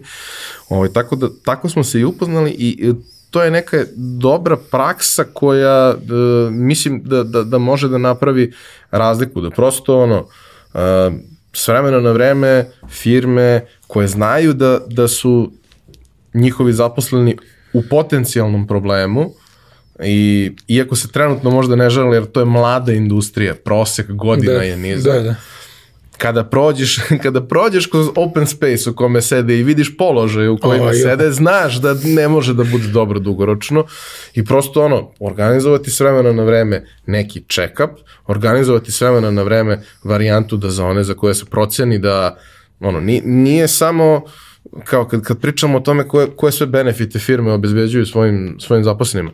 E, dobro, uzmite FitPass. Ne, nemam ništa protiv, uzmite FitPass, da, sve je okej, okay, ali FitPass ne rešava sve probleme u životu. To je, mi, mi u Nordesu, mi smo radili tako dobro u jednu, ovaj, prezadovoljan sam sa tim što smo, što smo radili tamo, ovaj, zato što su oni svaki moj predlog, ovaj, ja, jako su otvoreni, svaki moj predlog su podržali. Iako su grobari. To je druga priča, ali to im ne valja. Ne, ali to je, znaš, kao, uh, postoji taj jedan moment u kome uh, shvatiš da postoje ljudi koji su uh, skapirali da nisu najpametniji za sve na svetu. Da imaju stvari u kojima su najpametniji i rade ih najbolje ili možda ih ne rade najbolje, ali ih rade jako, jako dobro. A na drugim mestima Brate, pitaju ljude za mišljenje. Da. To je, znaš, kao, da, ja, ja ba, obožavam što radim sa Saletom i preporučio sam i kad me zajednički prijatelj Jeftić pitao Naravno. je li kakav je, kakav je Sale? Brate, Sale je fantastičan. Zašto je Sale fantastičan? Zato što Sale sluša, zato što prvo čoveku je iz nekog meni neobjašnjivog razloga stalo jer ja ne mogu da razumem zašto bi se neko je, bavio to je, to je naš, na, naš fizio, naš biofizio, stvarno nije reklama, ali, ali ono što je kod nas, to, to, je ta, to je ta posvećenost, ta želja. Svako od nas, ja sam tako i biro kadar, nas ima 11 zaposlenih, svako od nas ima želju da, znači prva želja ti je da pomogneš tom, tom pacijentu.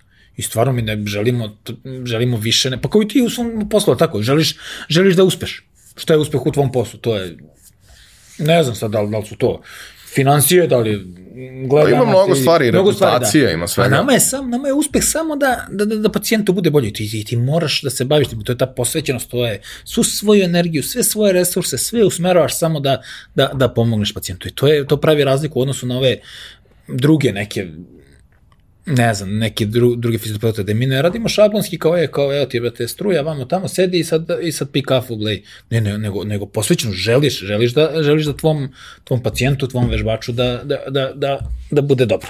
Ali na šta vidim, baš i pričali smo dosta o tome, jer kao, nije taj trening intenzivan toliko, pričamo mi, možemo da pričamo. I, znaš, skapirao sam recimo koliko je istraumiran time da, da neće dobiti iskren feedback. Ja mu kažem, brate, ako me boli nešto, ja ću ti kažem i šta me boli, ne znam zašto me boli, to, to ne mogu ti kažem, to ti da. znaš.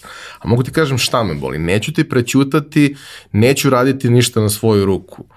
Ako ako ti kažem, ja mislim da ja ovo mogu da radim sa većim opterećenjem, probat ćemo pa ćemo da vidimo, ali ako ti kažeš da ga radim sa tim koji si rekao, ja ću ga raditi sa tim, ja sam došao ovde tebe da slušam, zato što okay. ti znaš to. Ja sam probao sam mnogo puta, ni jednom se nije završilo dobro, neće ni sad.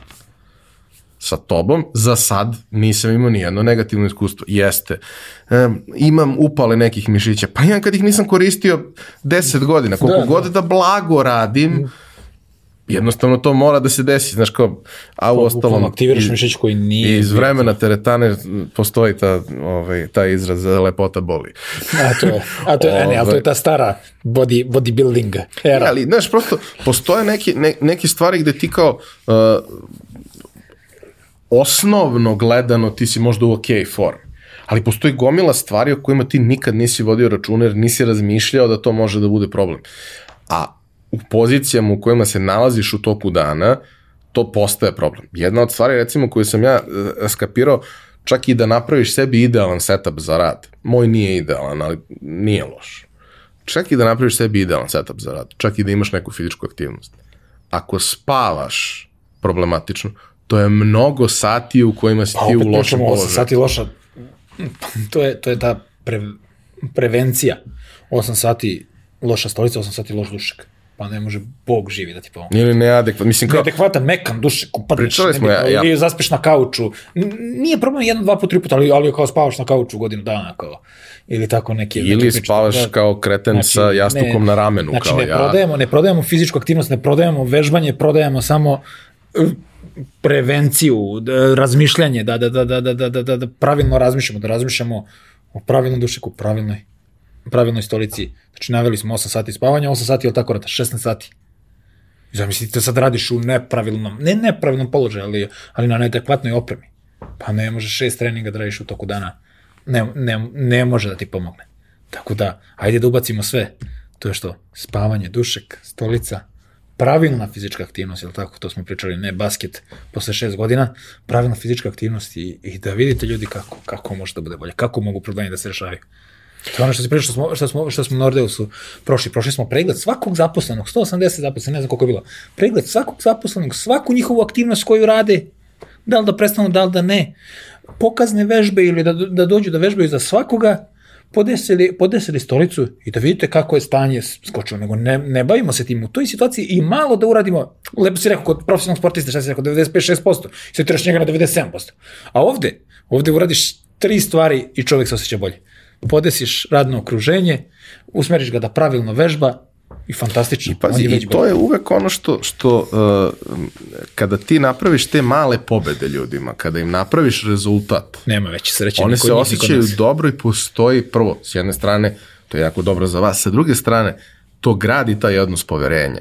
Da. i on će da sluša nadalje. Sad pitanje je baš da li će sve da primeni, nekad je nešto teško i to, ali je krenuo nekim dobrim trendom, Dobrim, krenuo da. je da radi neke ispravne stvari. Tako je. Mnogo je bolje nego što bi bilo da nije ništa od toga uradio. Šta A to su on- sve vrlo često jednostavne stvari i mi dok ne osjećamo posledice svojih postupaka ne menjamo ništa. Često kad krenemo da osjećamo posledice je kasno. Često kad krenemo da osjećamo posledice prvo ili ne možemo da ga vratimo više u stanje u kome je bilo, najbolje čemu možemo da se nadamo je da zaustavimo problem koji, koji se nalazi, a nekada i možda možemo da vratimo ali uz količinu truda koja je deset puta veća nego da smo probali da sprečimo problem do koga je došlo.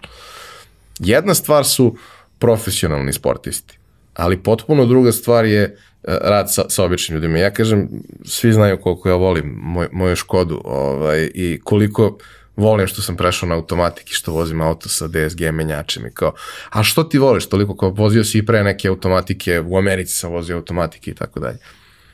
Znaš zašto volim?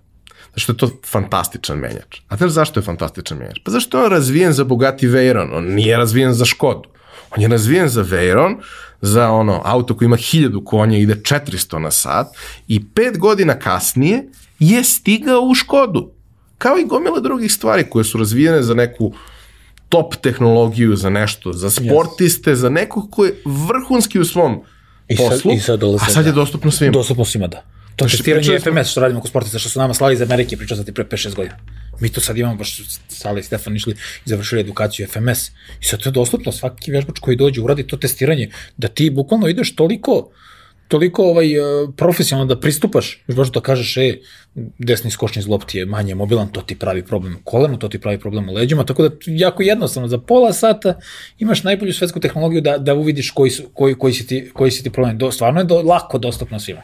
Mislim, evo, jedna od, od stvari o kojima smo pričali, pošto svi ovde, moji slušalci i gledalci znaju koliko sam ja veliki ljubitelj robotike, jer mi je to i struka kojom se do duše nikad nisam bavio, ali nema veze, ovaj, taj moment gde kao uh, rehabilitacioni proces podrazumeva kontrolisane pokrete koji rade na, da kažemo, povećanju fleksibilnosti, ako je nešto bilo kao što si pričao za, za gospodina Gruzica, ovaj, kako je tekla njegova, njegov oporavak, vrlo je teško iskontrolisati sve te stvari bez nečije pomoći. Ti ako uradiš malo više ili malo iskreneš, možeš da napraviš Ako problem dozu pre, sada, a i kod vas, do duše u ograničenoj količini uglavnom rezervisano za sportiste, ali postoje mali roboti koji rade te stvari. Gde ti da. staviš i on radi tvoju vežbu. I radi je pravilno svaki put i radi je pravilno hiljadu puta ako Da, treba to da su je te radi. takozvane CPM, CPM, CP mašine koje mi imamo kod nas i koji sportisti dosta koristimo da koriste i, i ovaj, koriste rekreativci kod povreda, ovaj, bukvalno e, podesiš po, po, po konfiguraciji čoveka, podesiš ruku, lakac, ručni zlob, sve i ti sad imaš tu brzinu pokreta, stepen pokreta, ali stepen svakog pokreta, ne samo podizanje takozvane, stepen rotacije, stepen unutrašnje rotacije. Podesiš brzinu, podesiš poziciju, podesiš broj ponavljanja, podesiš pauzu koja želi da ti bude u tom položaju istignuta. Plus progres. Da, da. I, i- Podižemo za 1%, da, za jedan, ali svaki dan idemo na 3 stepena, 5 stepeni povećavamo. Čak ima program da mi namestimo gde robot proceni sam da je, da, da, da, da, da, se, da je došlo do, do bolje razgibanosti i da sam onda ulazi u veći pokret. Mm, Fantastična, fantastična stvar u, u rehabilitaciji CP mašine, takozvani, takozvani robot. Kod operacija kolena, ono kad te operišeš koleno, ne, tu niko ne može sad, ljudi misle to je tako lako. Pa ti ne možeš da digneš nogu posle 10 dana, ne možeš da saviš koleno. Mašina, na primjer, u Americi, u Americi sam čitao neku studiju, oni 10 sati nakon operacije odmah te stave na, na, na, na, odmah te stave na robota i to rade 10 sati. Sat vremena pauza, sat ne. To je ta brza, brza, brza mobilnost, eh, rana mobilnost. To je ono o čemu smo pričali eh, kod Sanikidze, Grozica. Šest nedelja kao imobilizacija, dve nedelje ne radiš ništa, kao potom pa kao. Ćao. Treba, treba, treba te mišiće istegnuti, te tetive, te ligamente. A ovo bukvalno odmah posle operacije, odmah stavljaš, odmah radiš i kontrolisano, tačno, precizno. To je, mislim da si teo da se vratiš na to koliko je u stvari bitna ta preciznost i, i, i, i tačnost, I, tako? I to, ali i činjenica koliko je zapravo tehnologije i koliko je svega toga sada postalo dostupno svima nama, a bilo je nezamislivo pre pet godina, pre Da, deset da, godina. aparatura, aparatura sad, mm, kolege, kolege, ovaj, nemam ja u svojoj klinici, ali kolege imaju aparaturu koja košta 35-40 hiljada evra, koja se, koja, se, koja se koristi u, u, u futbolskim klubovima Bar, Bar, Barceloni, Real Madridu, to, to, to, to, su, to su bukvalno dostupno je, do, dostupno je u Beogradu ta, ta vrsta terapije koja je onako dosta, dosta dobra, dosta agresivna, koju koristi Nadal kada treba da se pripremi za meč za, za 5 dana. Tako da stvarno je dostupno, nije ni, nije ni, nije ni skupo i, i ovaj, uh, I imaju ljudi koji to znaju da rade. imaju ljudi i, koji to znaju da rade, tako da to je, stvarno su veliki benefiti toga i stvarno treba koristiti i onda treba, treba uvideti. Kao u svakoj struci što, što ti vidiš ono kao šta je više, ne šta je moderno, nego šta je zastaralo, šta nije zastaralo, tako, tako, i- tako i kod nas. Tako da ne možemo ono da razmišljamo više kao ajde idem na 10 terapija struje i, i tere.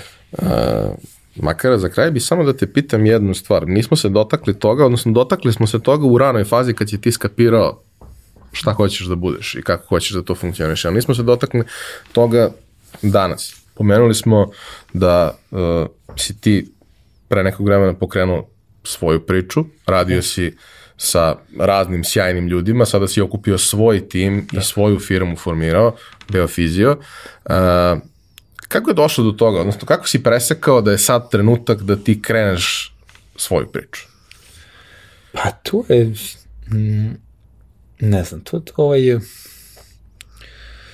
ja, ja sam možda malo to i, možda sam malo i usporio, zato što sam onako veliki, ovaj, zihera, što se kaže, ovaj, Dobro, malo je bila i korona. Da, da i korona jeste i to. Ali, ovaj, jednostavno vidim da više ne mogu da, znači to, to, to, to, to, su, to su ljudi u meni ovaj, probudili, moji, moji pacijenti, moji, moje kolege. Vidim da više ne mogu da, da odgovorim zahtevima svih tih pacijenata i vidim da, da, da, da, da, gubim, da, gubim, da gubim korak, da, da, da, da, da, da, ne mogu da ja sam da uradim 35 terapija, terapija dnevno, ali tako? Koliko, ko- ko- koliko, koliko me ljudi pozove u toku dana da, da mi traži neku pomoć. I onda, I onda ono kao razmišljaš kao, pa daj da, da napravim tim, daj da napravimo principe lja- rada koji će raditi, ljudi koji će raditi po mom planu, po mom programu, gde ću ja kontrolisati, gde ću nagledati, gde ćemo svi zajedno učestvovati timski i, i, i jednostavno samo taj, eh, tu potrebu da, da, da, da ti pomogneš, jer, jer moj, moj kvalitet rada je pa može se reći poče, počeo, da, počeo da opada. Nisam mogao da, da, da postignem nisam mogao sam da postignem to što ovaj e, to kol- koliko su ljudi od mene žel, očekivali želi vidim da sam da sam počeo ljude da odlažem e, ili da se čak i ono da se ne javljam na telefon znaš da mi se ne se na telefon pacijentu to je Ko ima problem? da ko ima problem to je ali ja, ja, ja vidim sebe u fazama kao uf, brate ne da ga primim ne šta će taj kao ne javim se onda zaboravim kao i on me za dva dana zove opet i onda kažem daj da vidimo da svim tim ljudima pružimo ovaj pružimo adekvatnu uslugu dobru podršku oformim svoj tim u tom timu ima dosta ljudi s kojima sam ja već dugo sarađivao i pre. Ne, ali to je, to je taj moment da ti zapravo dođeš u poziciju da kažeš, e, ok, ja sam radio kod nekog i sa nekim i sve, Da. sve to u redu, a sad ja pravim svoj tim gde ja mogu da garantujem za svakog čoveka u to timu ono, da je bravo, sjajan. Da, da, to je, to je, to je ono u stvari koji sam ja problem imao isto. Kad, kad, uh, uglavnom sam ja taj koji ima prvi kontakt sa, sa pacijentom. I onda treba da ga usmerim na nekoga od kolega koji radi tu drugu, treću fazu rehabilitacije. I onda kad ja, to, to više nije ni prodaja, kad ja vidim da ja za tog pacijenta nemam adekvatno rešenje, nemam dobru osobu koja bi nastavila da radi s njim, ja njega stvarno ne mogu ni da ubedim da, da nastavi da vežba. To se vidi u mom glasu, u mom ponašanju. Ti kad dođeš kod mene, ja uradim, ja, ja, ja, ma, ne trebaš uopšte da se odlučiš, ja kažem, ideš, vežbaš kod salata, čao, zato što znam da je to dobra stvar za tebe i da ćeš dobiti dobru uslugu i naravno stručnu uslugu. A, a onda dođeš u trenutku da, da, da imaš ljude kojima treba da daš nešto više, ali ti sam nisi siguran da možeš zato što te ograničavaju okolnosti razne, što kadra, što financija, što opreme, šta, šta god. I onda kažem, pa ne sme više ovo da mi se dešava, da ja ne mogu, ovaj, ja sam, ja sam, ja sam svoj pa biznis gradio na, na, na, na svom mobilnom telefonu, na tome da kažem pacijentu, e, evo ti broj telefona, zovi me kad god, 24h, ja, sam, ja sam dostupan.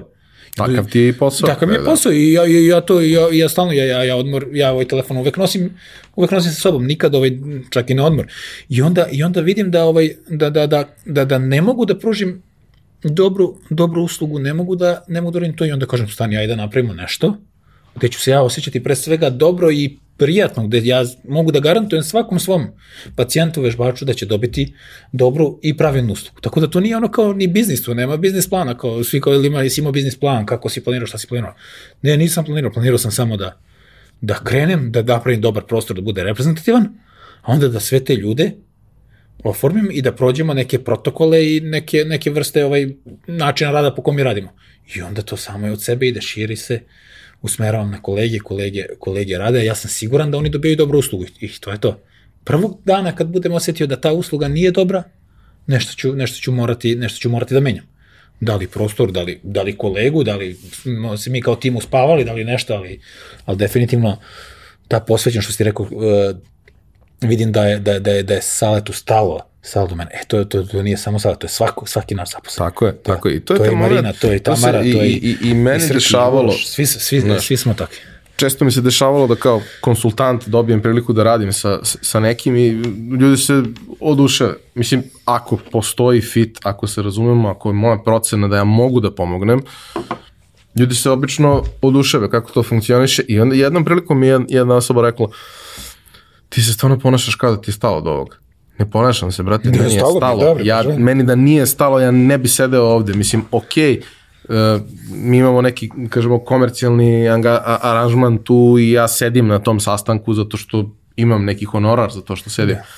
Ali ima mnogo lakših načina da ja zaradim taj honorar. Sa mnogo manje u, uložene pažnje, emocije i svega toga. Ja tu sedim zato što mislim da mogu da napravim neku razliku i da mogu da, da, da pomognem nekom i stalo mi je da to uradim. A ti me plaćaš zato što ako si profesionalac treba da budeš plaćen za to što radiš. I to je normalna stvar.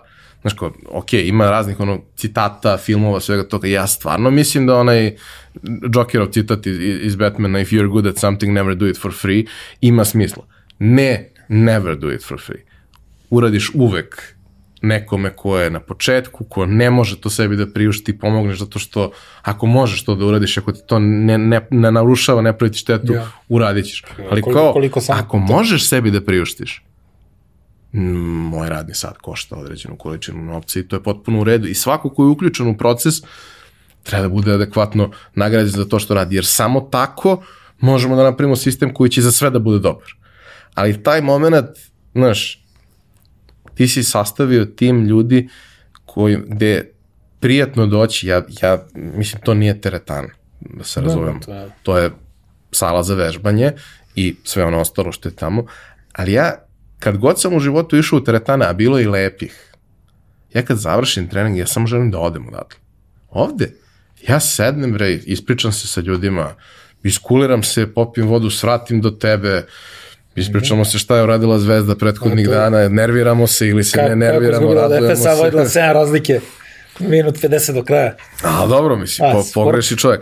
Ali hoću da kažem, prijatno je, lepo je, dobro je, toplo je, ljudski je Da, da, ljudi, ljudi, i ljudi su, je. da, ljudi su, u stvari ljudi su taj, mislim to je možda sad glupa fraza, meni svi je sad u posljednje vreme spominju kao ljudi su biznis, ljudi su ovo, ljudi su onako, ali u našem poslu to je, mogu ja da imam i najbolju opremu i najstručnije osoblje, ali, ali, ali, ali, ali ovaj, ali pacijent se veže za čoveka s kojim radi, kod nas je taj rad jedan na jedan, isto ti nemaš nemotivisanog fizioterapeuta kome nije stalo, pa džaba, džaba sve. Tako da mislim da nije, nije u suština ni u toj, ni u toj opremi, ni u, ni u tom luksuzu lepom prosto prijatno, nego, nego u tome kako se, kako se ljudi odnose prema tebi, a ono što je meni najdrže i u mom timu da svako želi da, da pomogne svom pacijentu ili vežbaču i to je ono što je, što je najbitnije. Dok god bude tako, mi ćemo biti dobri i bit će, bit će, bit će dovoljno posla.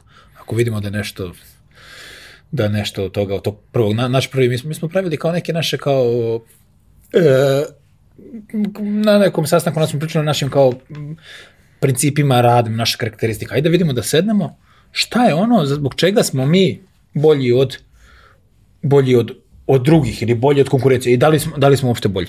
I što smo došli? Opremu, dobro opremu imaju svi. Lep prostor, sad, znate kakih ima e, fiziocentara, pa to, to je fantastično čoveče, prostor, uložena novca, lepo sve. Tako da ne možeš da, ne možeš da pariraš, ne možeš da pariraš konkurenciji, mislim, ali, mm, ovaj, sa, sa opremom, sa ovim svojim, nego ono što je najbitnije u tom odnosu, spominjali smo i, i robote, onda će svi kupiti 100 robota i ja i da radimo, da radimo s robotima opet i taj robot mora neko da ti objasni šta, kako, da, da, ti, da, ti, da ti pravilno dozira. Nego to je taj, onda smo došli do toga da je to bitna ta posvećenost. Kod nas kad dođe pacijent ti ga gledaš ovako, ti samo o njemu razmišljaš, samo kako njemu da, kako njemu da pomoći. To je ono što valjda ljudi onda osete kod nas tu želju, tu posvećenost i, i zbog toga, zbog toga, zbog toga žele, žele da dolaze.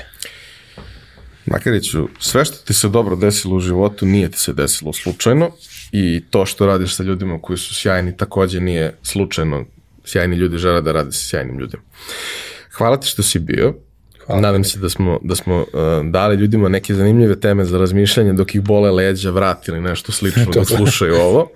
I uh, nešto čime će da se bave u ovoj novoj godini, jer ovaj period, znaš, januar je u principu idealan da se počne sa nekim stvarima. Najmanje je stresa, najmanje je pritiska, prošle su ruske salate, sarme i sve što uz to ide, pečenje i sad negde treba postaviti neke dobre osnove u periodu dok imaš vremena da, da napraviš neku promenu, dobre osnove za ono što, što uh, sledi tokom godine i to je eto prilika za svakog ko, ko razmišlja o, dugoročno o svom boljitku i svom zdravlju da počne malo da razmišlja i o ovim temama. Zato smo i, i pričali o svemu tome. Hvala ti što si bio. Hvala tebi na pozivu. Hvala vama što ste nas slušali. Kao i do sad sve komentare, sugestije, pitanja ovaj, ostavite na za to predviđenim mestima na, na YouTube-u i društvenim mrežama, a, a mi se čujemo i vidimo ponovo sledeće nedelje.